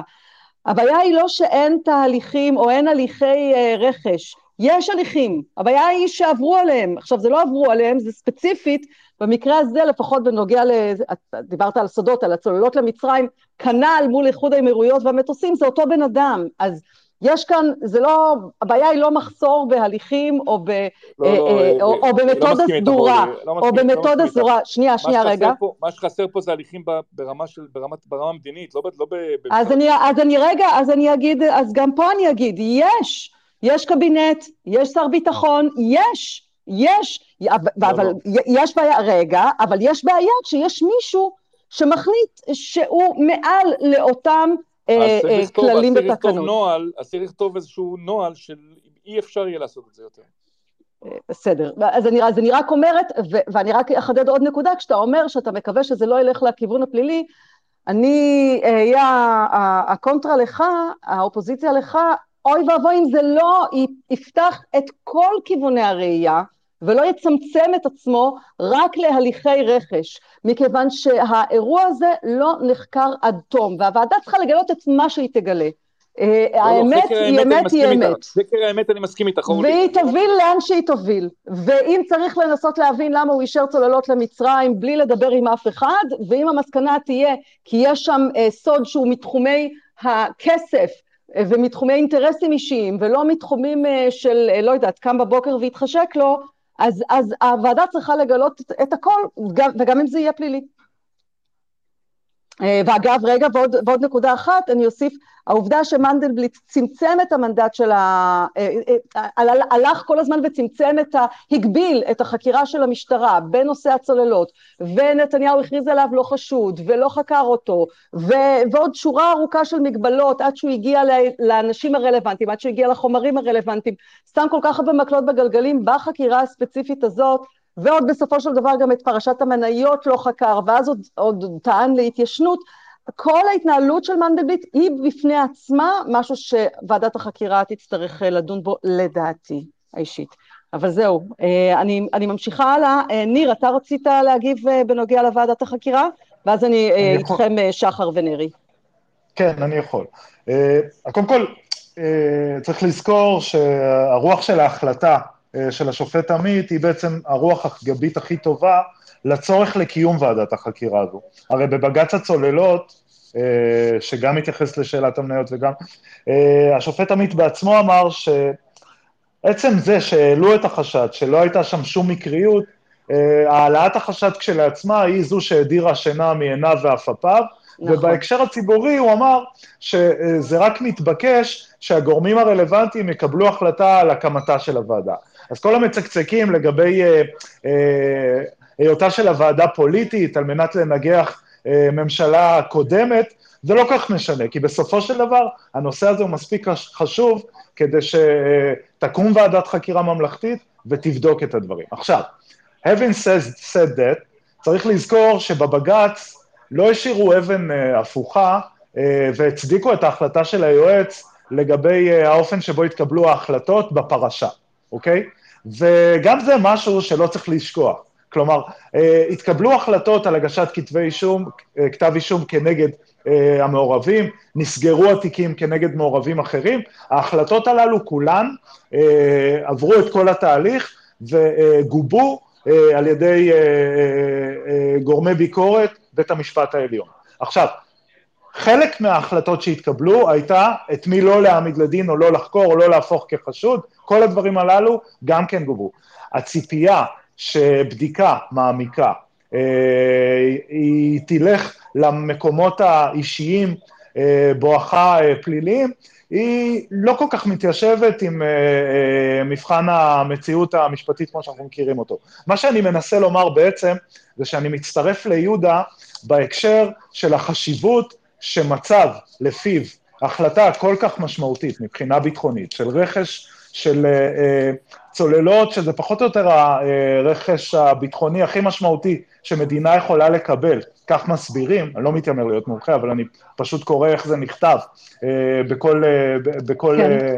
אה, מקום רלוונטי, לא יכול להיות שזאת החלטה שתתקבל, שהגורם הביטחוני מספר אחד בממשלה, שזה שר הביטחון, או הגורם המקצועי מספר אחד בצבא, שזה רמטכ"ל, לא יהיו בסוד העניין, והחלטה כזו תתקבל בלי שהם בתוך הלופ. אופן קבלת ההחלטות חייב להיות מובנה על ידי מסקנות כלליות וציבוריות שתקבל הוועדה לגבי כיצד יש לנהוג בפעם הבאה, וכיצד סיטואציה שכזו לא תחזור על עצמה. עכשיו, אני יודע. אוקיי. שיש משמעות גם לצורך להבין למה קרה מה שקרה כאן, ולמה uh, בסופו של דבר uh, הסודות הגדולים הללו נשארו נחלתו של אחד או שניים, מל"ל יחד עם ראש ממשלה, ודווקא אה, שר ביטחון ורמטכ"ל גם לא, לא מל"ל, גם לא מל"ל, גם מל"ל לא היה בלופ. מל"ל חצי קלאץ'. לא חצי קלאץ', לא, לא, אלא היו אנשים לא בתפקיד באותה תקופה, והם גם הכחישו okay. את אותו סוד. מק- מקבל. את התיקון, מקבל את התיקון, יכול להיות שאני לא, לא דייקתי. אוקיי. אותו. מה שאני בעצם אומר, זה שהיכולת לזמן מי שרוצים, ולשאול אה, את השאלות בהלימה לחוסר יכולת לשבש הליך פלילי מתנהל, בית משפט, בדלתיים סגורות, אה, זה חשוב. אבל לגבי אה, מה שהעלית כשאלה בעצם, אה, מדוע הדלתיים סגורות, הרי גם ההליך עצמו, הפרקליטות ביקשה שכתב נכון. האישום והמשפט, הוא מתנהל שם בדלתיים סגורות בגלל סוגיות של ביטחון המדינה. זה גם בעייתי. אבל, אבל זה עבר, זה עבר הכשר של בית משפט שמכיר ושמע והחליט על הטענות. כלומר, ביטחון המדינה זו אחת העילות היותר מרכזיות לסגירה של דלתיים. לא נראה לי שוועדה שדנה באותה מטריה יכולה לקבל החלטה שהיא שונה. אה, אני יודע שאתם, אה, אתם, שכולנו חפצים אני... באור השמש, בסדר, אין בעיה, אני אומר, כל אחד היה חפץ באור השמש כדי לנסות לתאר את מה שצריך לתאר וכולי. אבל עצם זה שקמה ועדה, נקודת המוצא תהיה, שופט עליון יעמוד בראש, היא תהיה עצמאית, היא לא תהיה מנווטת כבר זה, uh, זה, הישג שהוא okay. כאילו אמור להיות די משמעותי בהקשר, לא צריך לחפש uh, איפה שאין uh, אופציה לפעולה, אלא להסתפק במה שכן יש אפשרות שיקרה, okay. אוקיי. בעיניי. בסדר, תודה רבה, תודה רבה, ניר. אתה אומר לי, תסתכל חצי הכוס המלאה, תודה רבה, ניר. נר, אני משאירה אותך לקינוח, כי אני יודעת שבוער בך לסגור את כל הקישור בין כל הנושאים, אז שחר, אתה עכשיו, ואחר כך נרי. השאלה של הצוללות היא לא רק נוגעת לצוללות והיא לא רק נוגעת לרכש הביטחוני. היא גם נוגעת, וזה משהו שאני לא יודע עד כמה, אה, אה, עד כמה ועדה כזאת היא באמת תדון בזה, היא נוגעת באיך התנהל נתניהו, איך התנהלה הלשכה שלו, איך התנהלו הסידורים הארגוניים שלו במשך שנים. עכשיו אני אתן רק אה, דוגמה קטנה, שהיא גם מופיעה בסיפור של ה... של הצוללות ויש לה משמעות. כל הסיפור של אה, אה, עורך דין מולכו, עורך דין פרטי, שיש לו משרד עורכי דין, עם מלא אינטרסים, שהשותף שלו זה דוד שמרון, אז הוא מצד אחד מולכו יושב במשרד ראש הממשלה, הוא עלק אה, אה, יועץ מדיני של ראש הממשלה, הוא נוסע לכל מיני פגישות בגרמניה, במצרים, באירופה, בארצות הברית. באישור, של היועץ המשפטי לממשלה. ויש על זה לבקר מאוד את היועץ המשפטי לממשלה בעניין הזה, ובאותו זמן השותף שלו, דוד שמרון, הוא פתאום מייצג את המאכר של הצוללות, והוא פתאום מייצג את זה, והוא פתאום מייצג את ההוא. אז, אז צריך לבוא בטענות, בוודאי לנתניהו ולאיך שהתנהלו העניינים שם, אבל גם למערך הייעוץ המשפטי שאפשר את, ה, את הסידורים האלה. אה, ואני מסתפק בזה.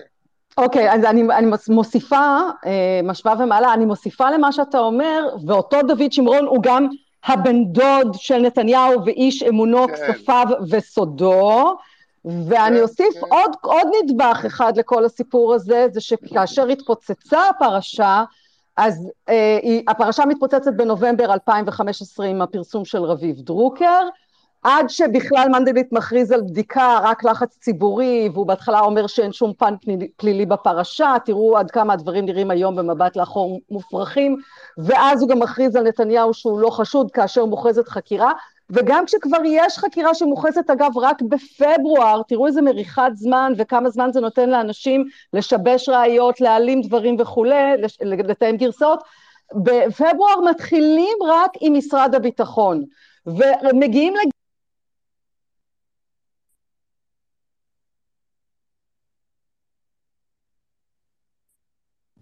נעלמה גם לכם?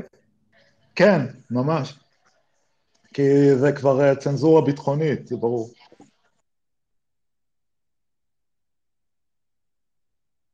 כן, כן. שומעים, כן. שומעים. אז, ואז כבר כשמגיעים לגנור ולשמרון ולמולכו, זה קורה רק בחודש יולי. כאשר אנחנו מדברים על שמונה חודשים אחרי שמתפרסמת הכתבה הראשונה, זאת אומרת התחקיר הראשון של דרוקר, וזה כשזה קורה לא מזמנים, ותבינו עוד, עוד עד כמה זה מטורף, לא מבקשים את המחשבים שלהם, אין צו חיפוש למשרדים שלהם, שום דבר לא נוגעים בהם, כל העצורים מבלים בבית המעצר, את שמרון, אה, לוקחים אותו, משאירים אותו במעצר בית, ואחרי ארבעה או חמישה ימים שהוא במעצר בית, ביום שבו הוא יוצא מהמעצר, הוא מב... מאותו מעצר בית בתנאים נוחים, הוא מבקש לטוס לחו"ל, והפרקליטות נותנת לו לטוס לחו"ל, והוא עולה על מטוס לארצות הברית, אפשר רק לדמיין מה, מה בער לו ואת מי הוא פגש בארצות הברית. אני רוצה להזכיר שיש בן דוד נוסף בסיפור הזה, שעליו השלום, שהיה חי בארצות הברית. זאת אומרת, יש כאן כאילו כל כך הרבה פאולים, זו הגרסה הטובה לתיאור האירוע הזה, מצד מנדלבליט סביב הסיפור הזה, סביב ספציפית שמרון את מולכו. המשכתי אותך, שחר, הייתי חייבת להוסיף עוד את הנדבך הזה. ועדת חקירה לצוללות, נרי, אליך, מה הטייק שלך על זה? כן, אני, תראו, אנחנו דיברנו על, על עסקה עם נתניהו, דיברנו על העסקה עם דרעי ודיברנו על ועדת חקירה על הצוללות. יש מישהו שם, אני שומע איזה רעש רקע של מישהו שמיקרופון פתוח, לא יודע מי זה. יש דבר אחד משותף לכל מה שדיברנו עליו, קוראים לו דוקטור אביחי מנדלבליט. הוא שותף לכל ארבעת הנושאים כרגע. הנושא האחרון זה סיום תפקידו. עכשיו, גילוי נאות, אני מכיר את מנדלבליט הרבה מאוד שנים, היינו בפרקליטות ביחד, הופענו אפילו זה מול זה, איש מאוד מוכשר, מאוד מתוחכם ומאוד מקצועי. הבעיה היא שסעיף, אם אני הייתי מתווה את, את הדברים או את התכונות שמהוות את המקצוענות הנדרשת מהיועץ המשפטי לממשלה, אני בדבר הראשון הייתי שם נחישות ואומץ לב. אחר כך הייתי שם את כל שאר הדברים. בעיקר אומץ לב. ומנדלבליט לכל אורך הדרך, ואני עברתי פה איזשהו תהליך בהתייחסותי אליו, לא ברמה האישית, אלא ברמה כיועמ"ש, זה לא אישי פה.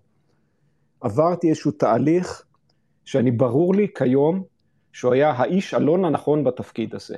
מבחינת הציבור, מבחינת נתניהו הוא היה האיש הנכון, מבחינת הציבור היה האיש הלא נכון. הוא לא ייצג את האינטרס הציבורי, לדעתי הוא פחד לייצג את האינטרס הציבורי בשלב מסוים. עכשיו, לגבי ועדת חקירה, תראו, הנושא של תהליכי הרכש, יש תהליכים, יש נהלים. זה שמישהו לא קיים אותם, לא צריך להקים ועדת חקירה. הנושא הפלילי נחקר, אגב, יש לנו כמה נאשמים אפילו. יש רק סוגיה אחת ספציפית שלא נחקרה, והיא נוגעת לחבורה מצומצמת מאוד של אנשים כרגע, שחלקם אולי קשה לחקור אותם, חלקם אולי כבר השמידו ראיות וכולי, חלקם עשו, הוא לא יודע, עדיין זה בר חקירה. עכשיו, אני מאוד אוהב קצפת, באמת אוהב קצפת, קצפת עם תותים, זה שני דברים, אני לא אוכל את כל, אני, אני אוכל, עושה, אוכל קצפת עם תותים, אני עושה לעצמי קצפת, שם תותים ואוכל. אני לא צריך לאכול את כל העוגה בשביל זה. אני גם לא צריך לאכול את כל הארוחה שלפני בשביל להגיע לקצפת עם התותים. עכשיו, כולנו על מה אנחנו מדברים פה, תשימו לב. אנחנו מדברים על חלק מאוד מסוים שהיה פה בעסקאות האלה. מאוד מסוים.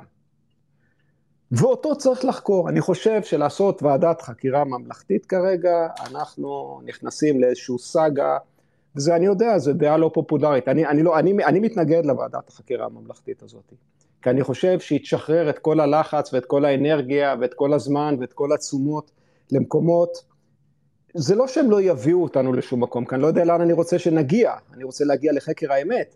אבל מי שחושב שצריך את הוועדת חקירה הממלכתית הזאת בשביל לטפל בהליכי הרכש של מדינת ישראל? לא, לא צריך את הוועדת חקירה הממלכתית הזאת. אמר כבר מישהו לפניי, אני לא זוכר מי, אמר, אותו דבר קרה גם, ב, אותו דבר קרה גם עם האמירויות. אותו דבר בדיוק, עם אותו בן אדם.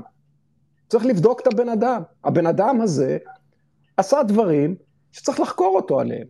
ואני לא רוצה להטיל פה דופי, לא בשמרון ולא באף אחד אחר לפני שחקרו מישהו. לא יודע, לא יודע. אבל צריך לחקור רק את זה. וכל מי שחושב שלא צריך להגיע להליכים פליליים, צריך לחקור פה רק את ההליכים הפליליים שנוגעים לדבר הזה, ועל חלקם, למיטב הבנתי, אין התיישנות. על הדברים החמורים פה אין התיישנות בכלל, או שיש התיישנות, או ייקח עוד הרבה שנים עד שתהיה עליהם התיישנות. אם, אם החשדות, או אם האינטואיציה של חלק מהאנשים היא נכונה פה, לפחות עד שנקבל תשובות לדברים. ואני רוצה לספר, ואני רוצה להזכיר לכם, שיש פה כמה שאלות מאוד בסיסיות שאנחנו, אין לנו תשובות עליהן כרגע. אין לנו עליהן תשובות, ולא צריך ועדת חקירה ממלכתית בשבילם, ולכן אני כן רוצה לסכם, זה מגיע אותנו בדיוק לנקודה האחרונה של אה, כמה ימים לפני אה, עזיבתו של מנדלבליט את תפקיד היועץ המשפטי לממשלה.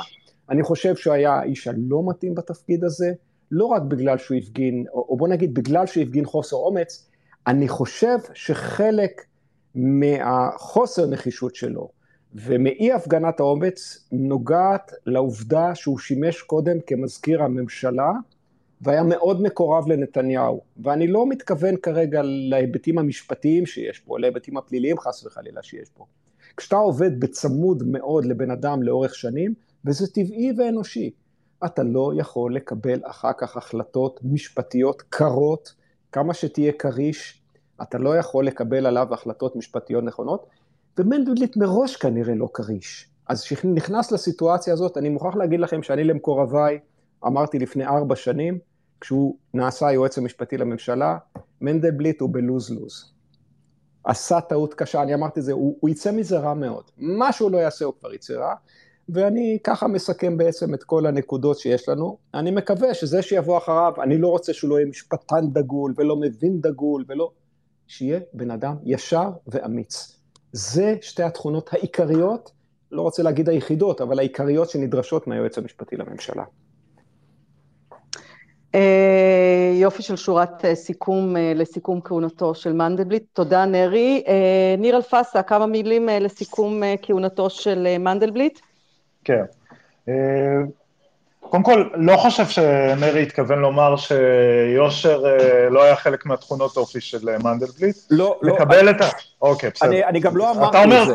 אתה אומר השילוב, אתה מדבר על השילוב, בסדר, אני ממשיך. לא, לא, לא, אני אמרתי, זה מה שנדרש מיועץ משפטי. אמרתי, אמרתי שמנדלבליט כן, כן, נקלע. לסיטואציה שהיה צריך להיות בן אדם סופר אמיץ בשביל לתפקד בה, הוא לא אמיץ, ולכן היה לי, לי מהיכרותי איתו, היה לי ברור כמו שהוא נכנס לתפקיד, באמת אני אומר, ואני אמרתי את זה, הוא לא יצא מזה טוב. לא, הוא לא okay. אוקיי. יצליח לצאת מזה טוב.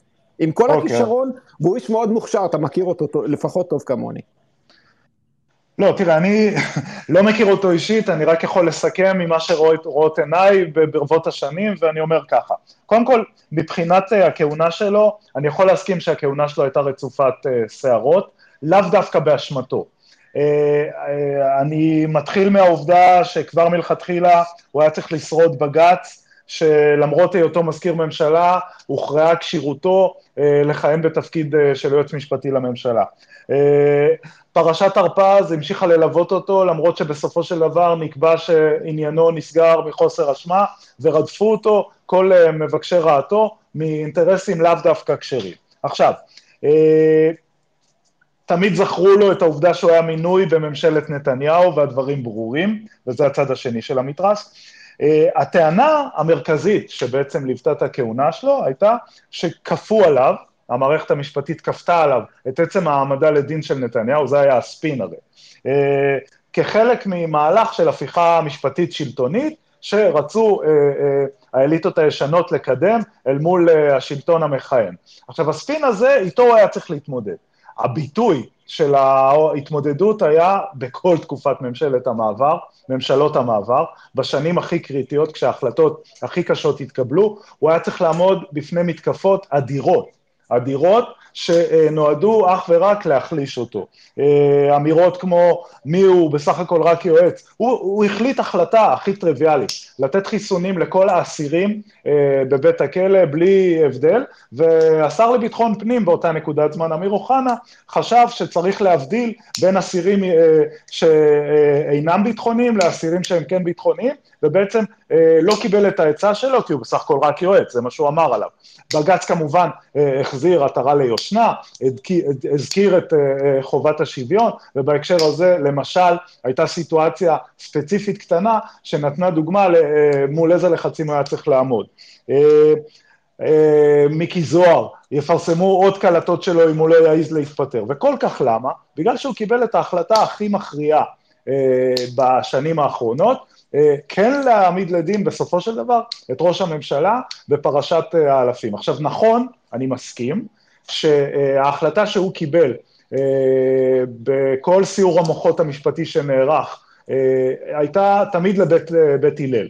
כלומר, היו לא מעט דעות שחשבו שצריך ללכת על עבירות של שוחד גם בתיק אלף וגם בתיק אלפיים, ובסופו של דבר, הוא וגם הפרקליט המדינה הנוכחי היו בצד שצידד בהעמדה לדין נתונה, כמו שכתב האישום משקף כרגע. יכול להיות ושחר כתב על זה, וזה נכון, שחלק ניכר מהטעויות המשפטיות הדיוניות אה, שהיו בדרך, לגבי אה, אם לכלול או לא לכלול ברשימת עדי תביעה אה, עדים מסוימים, ההחלטה לגבי בני המשפחה של משפחת נתניהו והעובדה שהם נעדרים גם מרשימת העדים וגם מספסל הנאשמים והאופן שבו זה מחליש את תיק האלפים.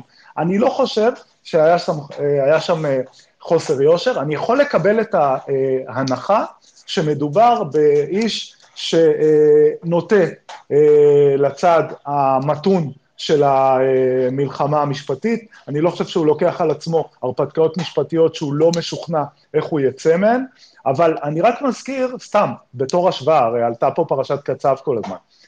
אה, לא חושב שמישהו יכול היה לחזור, אה, לחשוד ביועץ המשפטי לממשלה, מני מזוז, שהוא נחשב אה, אה, לא לוחמני או אה, פחות תביעתי מכל הטובים הכי לוחמניים שניתן להעלות על הדעת. בסופו אני, של יום... אני, חול, אני חולק עליך גם על מני מזוז.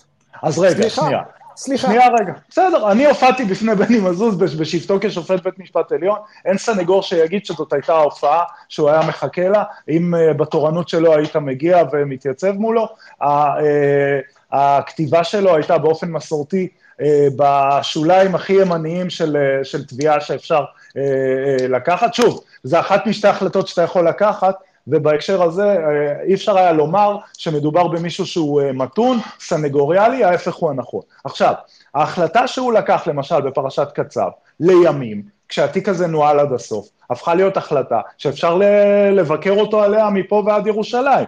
כלומר, אבל הנה, למשל, החלטות כאלה נלקחות על ידי יועצים משפטיים לממשלה בגלל אה, אינטרסים נוספים. בתיק האלפים, אנחנו, זה התיק שאנחנו מכירים, כי אנחנו מלווים אותו ואנחנו יכולים להתרשם מהצד מהראיות, אין ספק שההחלטות שנלקחו על ידו אה, בעקבות סיור המוחות שנערך, אה, היו החלטות שהן על הצד המקל, אבל צריך לזכור את עצם ההחלטה הגדולה, העמדה לדין בתוך סערה פוליטית קשה של mm. ראש ממשלה, אל מול כל חיצי הביקורת, והתמודדות עם כל חיצי הביקורת שבאו אחר כך. עכשיו, אני חושב, בהקשר הזה, לא צריך לזלזל באופן שבו הוא כן אה, אה, הלך בסופו של דבר, אה, איך אומרים, בלב כבד, אבל בלב שלם, אל עצם העמדה לדין, אה, וקיבל את ההחלטה אה, ערב אה, מערכת הבחירות השנייה בעצם.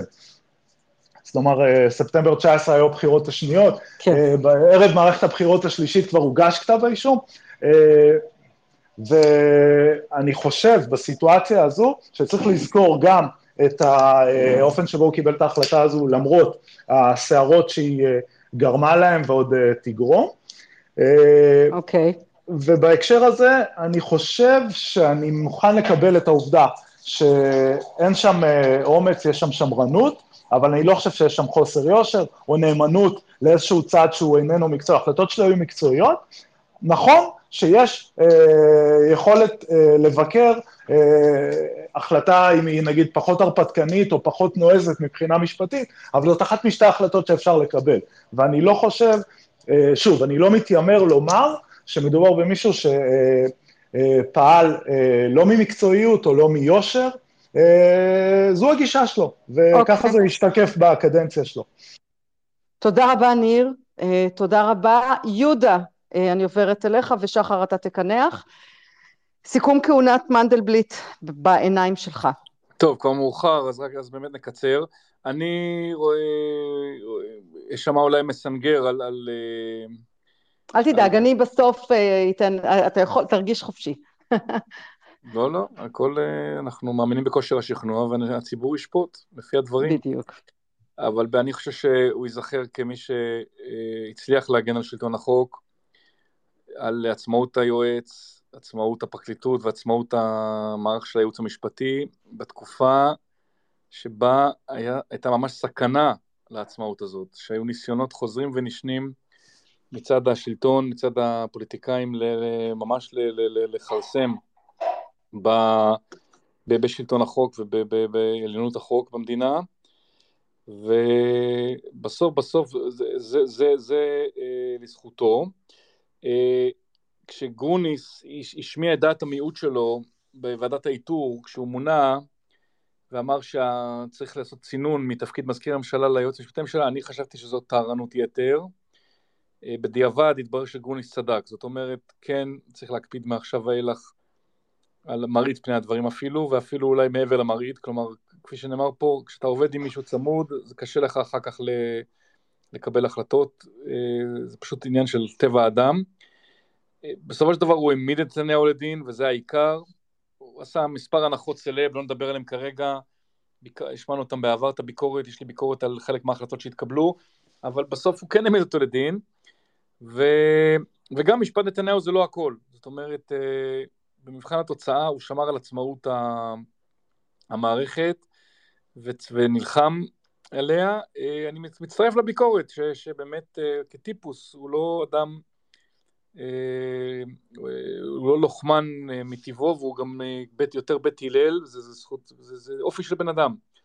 ו, וכנראה שבמצב שלנו, שלנו אנחנו צריכים אנשים שהם יותר בית שמאי, למרות שהסמכות היא, של, הסמכות שנתונה ליועץ של הממשלה היא כן לראות את הדברים בצורה רחבה יותר ובצורה, לשקול שיקולים נוספים. מעבר לשיקולים של המשטרה והפרקליטות שהם יותר לוחמניים מטבע הדברים. אבל אה, שוב פעם, אה, אני, אני חושב שצריך לראות את זה בצורה מאוזנת, כי כולנו תוקפים אותו יומם ולילה. בסופו של דבר המערכה אה, של, מרגע שהוחלט את נתניהו לדין, מלחמת גוג ומגוג שהוכרזה כנגד השוטרים, הפרקליטים, היועצים המשפטיים, מערכת שלטון החוק, כולה, בתי המשפט, היא פשוט חסרת תקדים, והוא אה, עשה כל מה שהוא יכל כדי לשמור על המערכת הזאת, ובמבחן התוצאה המערכת הזאת הצליחה לשמור על עצמה. זאת אומרת, בואו לא נשכח את זה, לא... היו עשרות יוזמות חקיקה ויוזמות uh, למינויים uh, כאלה ואחרים, הרבה דברים גרועים יכלו לקרות ו- ו- ולא קרו. אז uh, אני מציע לראות את הדברים בצורה מאוזנת, למרות הביקורת שיכולה להיות על החלטה כזאת או אחרת, ובוודאי על סדרת החלטות ב... בענייני נתניהו. זהו. אוקיי. Okay. תודה רבה, יהודה. אה, שחר בן מאיר, אליך. כן, אה, אני חושב שמנדלבליט היה יועץ משפטי גרוע, אני חושב שהוא נכשל בתפקיד שלו. אני לא רוצה לדבר בכלל, ואני מס... הדבר היחיד אולי שאני מסכים עם מה שיהודה אומר, זה שלא כל ה...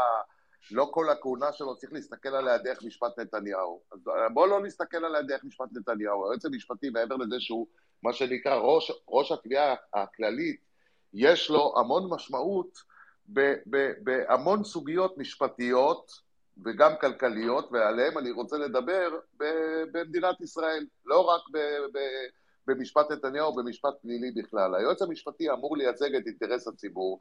עכשיו אני אתן שלוש דוגמאות קטנות שמראים עד כמה אין לבן אדם מושג מה זה אינטרס הציבור, כן? ומי שקובע את זה בסופו של דבר, בסופו של יום, בדוגמאות שאני אתן, זה, זה לא אני אומר מה אינטרס הציבור, אלא זה בית המשפט העליון אומר את זה. ולפחות אני נותן שלוש דוגמאות, שזה דוגמאות שמעידות על הכלל, לדעתי, של חוסר ההבנה שלו של אינטרס הציבור. היועץ המשפטי אמור לתת עמדה אה, אה, במקרים של תביעות ייצוגיות, או במקרים שבית המשפט, בגלל שזו שאלה שיש לה השלכות רוחב, מבקש עמדה של היועץ המשפטי לממשלה.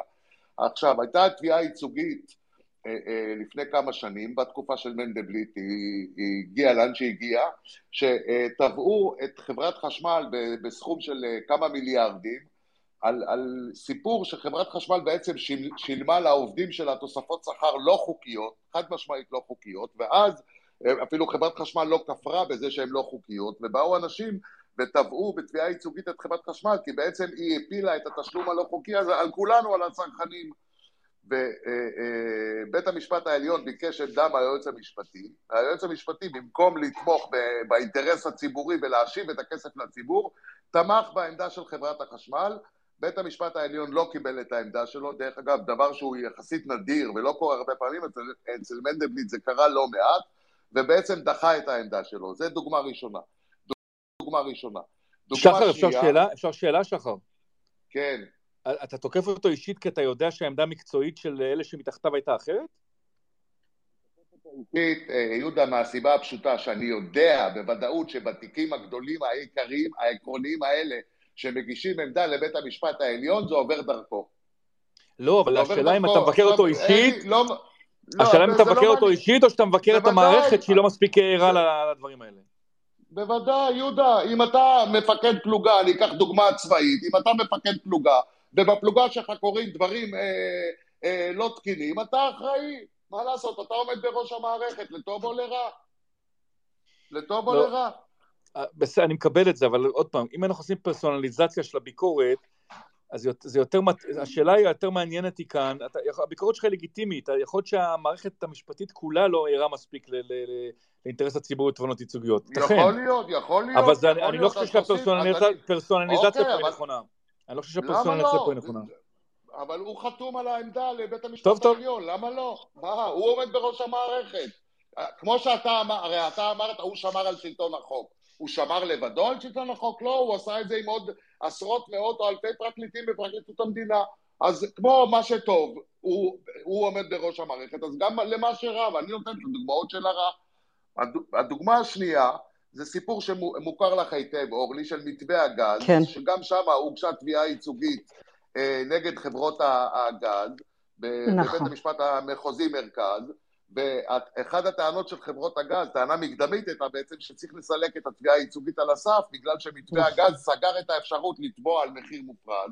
מנדלבליט נתן עמדה גם במחוזי וגם בעליון שהוא תומך בחברות הגז, עוד פעם בניגוד לאינטרס הציבורי, ובית המשפט העליון, הם הפסידו במחוזי בסילוק על הסף, בית המשפט המחוזי לא קיבל את העמדה של חברות הגז ושל מנדלבליט, ערערו לעליון וגם בעליון הם הפסידו וגם העליון לא קיבל את העמדה שלו בסופו של דבר, בשביל לסגור את הסיפור, התביעה של, אה, התביעה, הבקשה לאישור ייצוגית בעצם אה, הפסידו, אבל מסיבות אחרות, שהייתה שם בעיה עם המומחה שלהם, לא ניכנס לזה, אבל עוד פעם, הוא נתן נכון. עמדה שמנוגדת לאינטרס הציבורי. הדוגמה השלישית שאני אתן, שהיא דוגמה שאולי זכורה לכולנו יותר, כי היא התרחשה לא מזמן, זה הסיפור של איכוני השב"כ בתחילת תקופת הקורונה. להזכיר לכם, בתחילת תקופת הקורונה הממשלה קיבלה החלטה במסגרת תקנות שעת חירום ואחרי זה באיזה שימוש אה, אה, פסול בסעיף מסוים בחוק השב"כ, להסמיך את השב"כ לעקוב אחרי כולנו, אה, לעקוב אחרי כולנו ולעשות עדכונים. הפעולה הזאת נעשתה בלי שזה עבר אישור של הכנסת, בהחלטה של הממשלה בסוג של תקנות שעת חירום, ואנחנו הגשנו עתירה בעניין הזה יחד עם האגודה לזכויות האזרח וארגון עדאלה ובית המשפט גם נתן שם מצב ביניים שחייבים תוך מספר ימים להעביר את זה לאישור הכנסת ואם לא זה מתבטל ואחרי זה הוא נתן צו מוחלט סופי שזה חייב לבוא בחקיקה. עכשיו גם, אם אתה, אני מסתכל על האינטרס הציבורי, אה, אה, עם כל הכבוד אה, אליי ולכל העותרים האחרים, לא היה צריך לחכות שיבואו עותרים ציבוריים לבית המשפט העליון ויגידו את הדבר המובן מאליו, שאם אתם רוצים לפגוע בזכויות אזרח כל כך משמעותיות ולפגוע בפרטיות, אתם לא יכולים לעשות את זה בהחלטת ממשלה, אתם צריכים להעביר את זה בחקיקה. והייתי, כן, הייתי מצפה מיועץ משפטי שברגע שהם אומרים דבר כזה, הוא אומר לממשלה סטופ, אתם לא מוסמכים לעשות את זה, זה צריך לעבור חקיקה או שצריך לעבור אישור של הכנסת. והוא כמובן לא עשה את זה, בעוד שלח את הנציגים שלו ממחלקת הבג"צים להגן על, על ההחלטות האלה, והתוצאה הייתה שהם הפסידו. אז זה שלושה מקרים, אני יכול כמובן להעריך, אבל אני בכוונה נתתי שלושה מקרים שבעיניי מייצגים, שהבן אדם אין לו, אין לו, לא הייתה לו הבנה של האינטרס הציבורי, ודווקא אני הסתכלתי כרגע בתחום של המשפט האזרחי, שהוא משפיע לא פחות עלינו בהרבה מובנים, אה, בשביל להראות את זה. זה. זה מבחינתי הסיכום של הכהונה שלו. תודה שחר, ואני רוצה רגע להתייחס לדברים שאמרתם לגבי אה, מנדלבליט ותיקי האלפים, אבל לפני זה אני רוצה לומר שאם יש מישהו מהקהל שרוצה להפנות שאלה למישהו מהפאנל, בגלל אה, התארכות הפאנל אז אנחנו ניקח שאלה אחת אה, מהקהל, אם תעלה אז אה, תצביעו ואני אאשר, אבל אני רוצה רגע... אפשר רק אה, הערה אחת רצית... רגע? כן, כן, כן, כן, בבקשה. אני רציתי להגיד. שני דברים, תדעו, אה, כשאני מתכוון לאומץ לב של, אה, אה, של יועץ משפטי לממשלה, איכשהו, אני לא יודע, זה זלג לסנגוריה ותביעה. אין קשר בכלל. אתה יכול להיות סנגור נחוש ואמיץ, ואתה יכול להיות תובע פחדן. מה הקשר בכלל? ולכן זה בכלל לא קשור אם הוא סנגוריאלי או זה. אני מתכוון, ואני רוצה ללכת לסוף עכשיו. תראו, המדד של האמון במערכת המשפט של הציבור נמצא בסוף כהונת מנדלבליט בשפל, אוקיי? יש, בוא נגיד, ארבעה שחקנים ששותפים לעניין הזה, שר המשפטים, אה, אולי ראש לשכת עורכי הדין, נשיאת העליון והיועץ המשפטי לממשלה. אז אני לא יודע מי לקח כמה על עצמו, אבל אנחנו נמצאים כרגע במצב הכי נמוך שהיינו בו. אז לא יכול להיות שהייתה כהונה טובה וככה זה נגמר. זה היה אה, גרוע, וזו אה, ההערה שאני רוצה לומר אה, בעניין הזה לגבי... אה... משפט תשובה, אורלי? אתה יכול, ואחריך גם ניר שרוצה אז להגיד. אז רק לגבי האמון... רק נראה לי, ש... נראה לי שהוא הולך להגיד את שלי, אז יאללה. לגבי האמון, אני, אני מציע להתבונן על זה קצת בצורה קצת יותר רחבה, יש חוסר אמון טוטאלי בכל המערכות, ודווקא מערכת המשפט והפרקליטות עוד איכשהו אה, במצב עוד אה, יחסית טוב, כשמשווים למערכת לאמון של הציבור בכנסת. אני לא יודע, אני לא יודע מאיפה הבאת את זה. תן לי לסיים. תסתכל על הנתונים של כל המחקרים אני האלה. אני הסתכלתי. אז תשווה. יש נתונים, יהודה, יש נתונים של שפל. אז יש לי, יש לי, יש לי תשובה. אני חושב, אני, אני, הטענה שאתם לא מקשיבים לטענה שלי.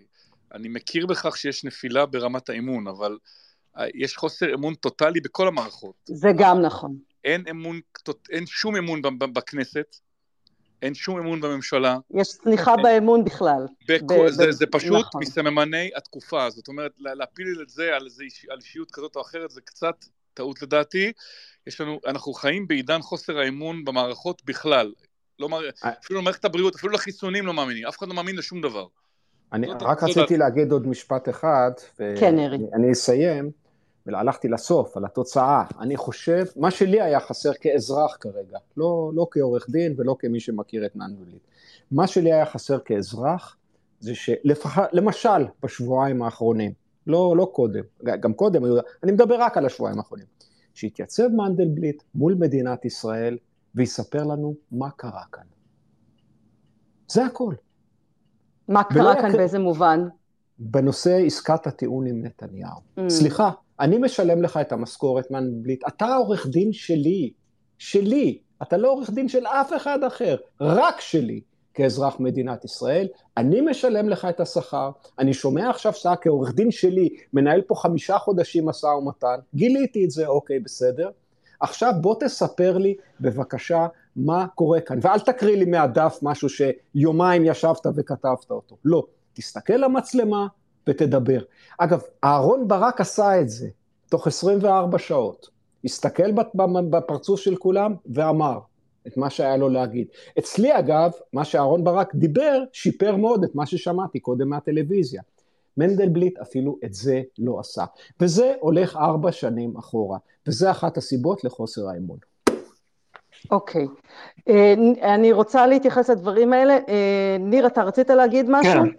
כן. כן. אמ, סיבות לחוסר אמון במערכת זה כי היו מספיק גורמים שתדלקו באופן מסיבי נכון.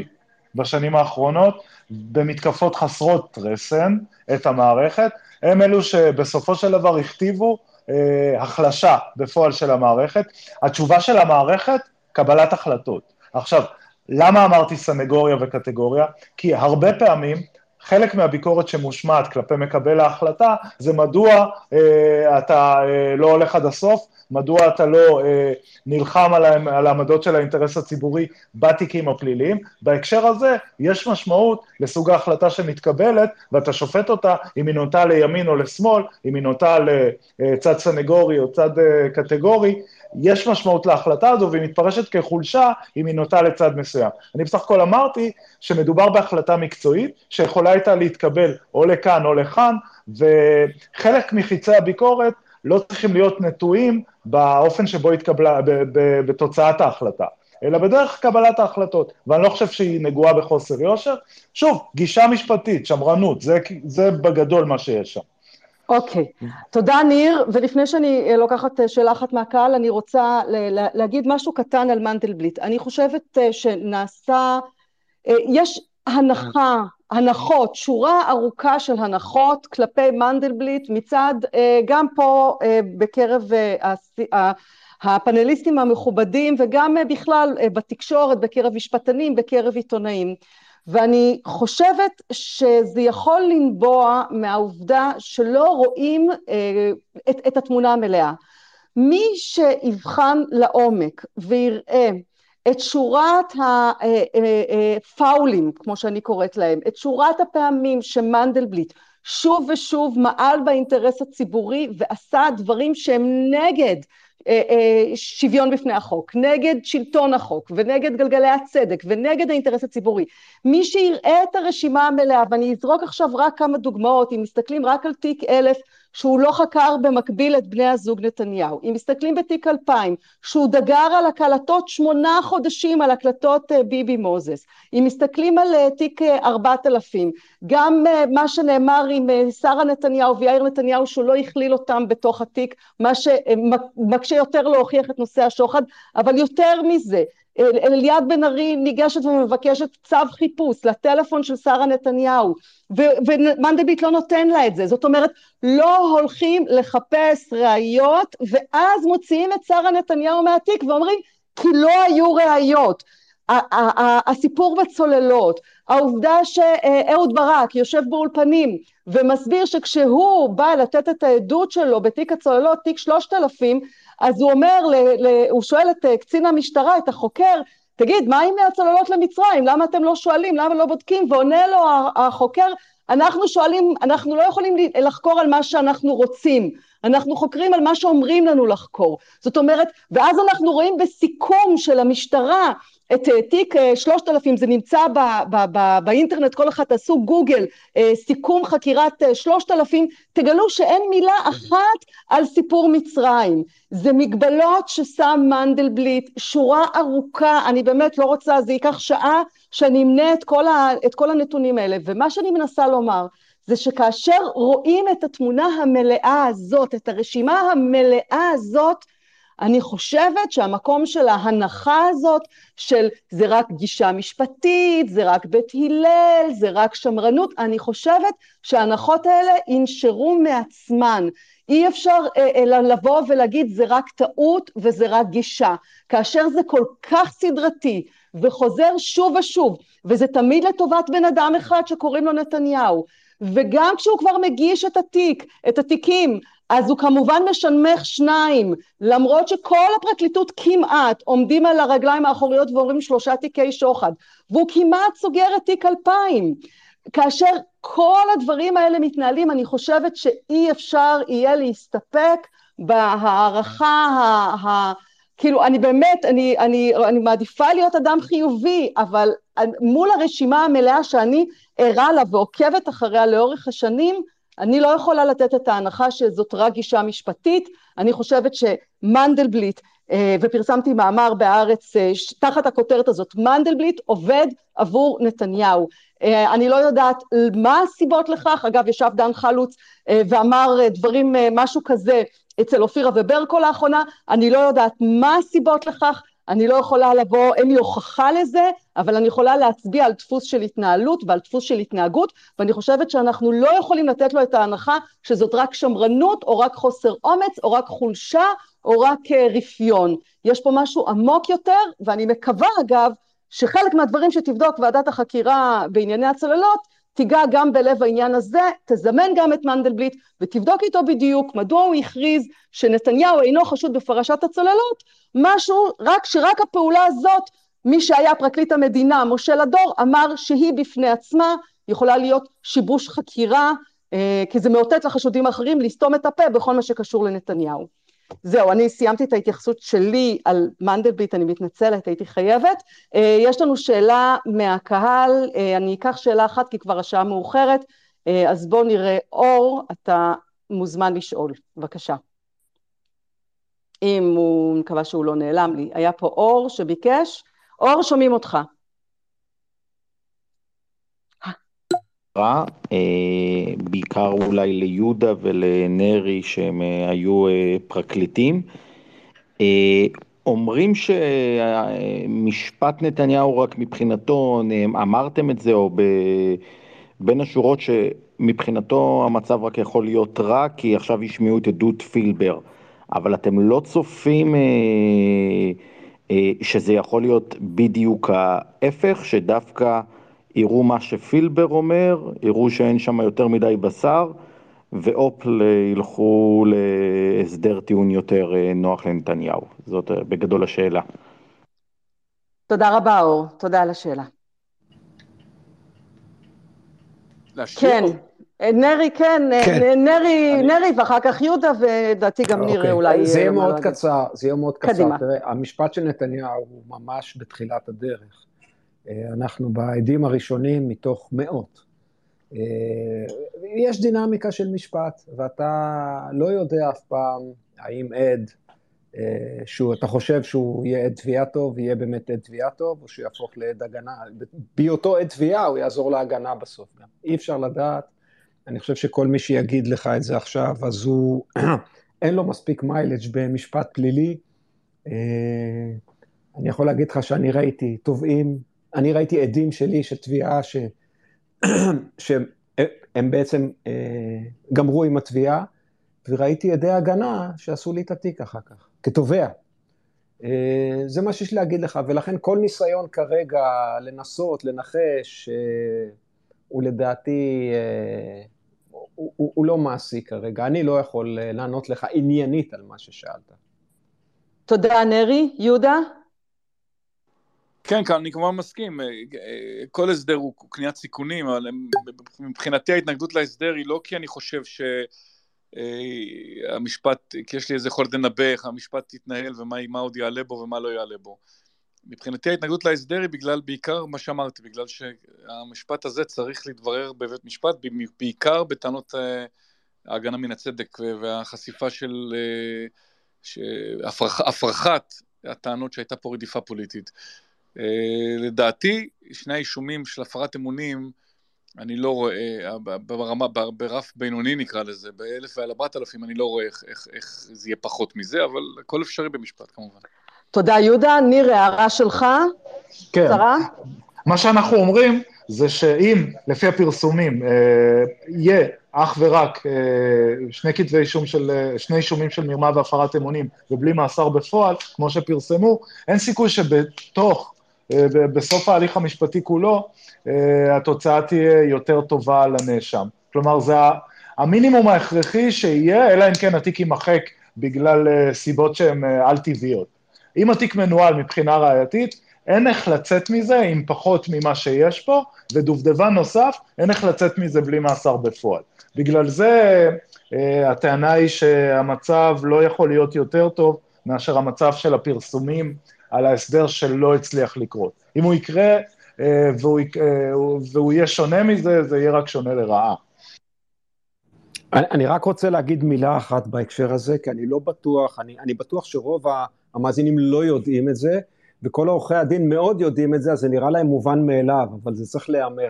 תראו, ראיות התביעה ידועות לכולם, גם לתביעה וגם להגנה. הראיות של ההגנה ידועות רק להגנה. התביעה אין לה מושג איזה ראיות יש להגנה. ולכן במשפט פלילי החלק המפתיע תמיד בחצי השני, לא בחצי הראשון, כי בחצי הראשון כולם יודעים מה הולך לקרות, ולכן אני הייתי, כמו שאומרים, מזדיין בסבלנות בשלב הזה. רגע, אבל לפני שמזדיינים, אני רק אומר שטענות הגנה משתקפות מחקירה נגדית של עד ועד, אתה יכול לראות מה טוענים כי אתה רואה מה חוקרים, ודבר בוא, שני... בוא לא נעשה, שנייה בוא רגע, לא נעשה שנייה דיון, רגע, דיון שנייה משפטי רגע. כרגע, אני רק הבהרתי לצופינו, או למאזיננו, ההדיוטות, שסביב כל התקשורת שידעו שכל מה שמדברים עליו, אפילו התביעה לא יודעת מה יש להגנה, השופטים לא יודעים, אף אחד לא יודע. אז uh, יהיו, יהיו, וכמו שאני רואה את הנאשם הזה עם סוללת עורכי הדין שלידו, שאף אחד שם לא קוטל קנים, יהיה לנו עוד הפתעות עם ההגנה. לכולנו. אוקיי, okay. uh, זהו, עוד מישהו רוצה להגיד משהו לפני שאני סוגרת ומשכיבה את כולנו לישון? אז יאללה. אז אה, אני רוצה להודות אה, גם לאור אה, ששאל כאן עכשיו את השאלה, תודה רבה על השאלה מהקהל, ואני רוצה להודות לכל מי שהשתתף הערב בספייס משפט נתניהו, תודה רבה לעורך הדין יהודה שפר, ותודה רבה לעורך הדין נרי ירקוני, ותודה רבה לעורך הדין ניר אלפסה, ותודה רבה לעורך הדין שחר בן מאיר, תודה לכולכם. ואנחנו, אני רוצה להזכיר, משפט נתניהו מתחדש שבוע הבא ביום שני, העדים הבאים, יש שני דוברים של נתניהו, מלשכת ראש הממשלה דאז, שני דוברים שאמורים להגיע, ואחר כך הייעוץ המשפטי של משרד התקשורת, זאת אומרת אנחנו הולכים שוב גם להיכנס קצת לענייני הרגולציה, ואז אה, יעלה ויבוא עד המדינה שלמה פילבר, שהוא עד, אה, שהעדות שלו מסקרנת במיוחד, ובהמשך עוד אה, לא רחוק היום שבו גם הדס קליין, אה, העוזרת אה, של אה, מילצ'ן, אה, אמורה להגיע ולהעיד אה, סביב תיק אלף. בקיצור, מחכים אה, לנו עוד פרקים אה, מסעירים אה, בסיפור הזה, אז אנחנו ניפגש שוב בשבוע הבא בספייס משפט נתניהו, ותודה לכל הדוברים, ותודה לכל המאזינים, ולילה טוב, תתכסו היטב, תהיו טובים, תעשו טוב, להתראות.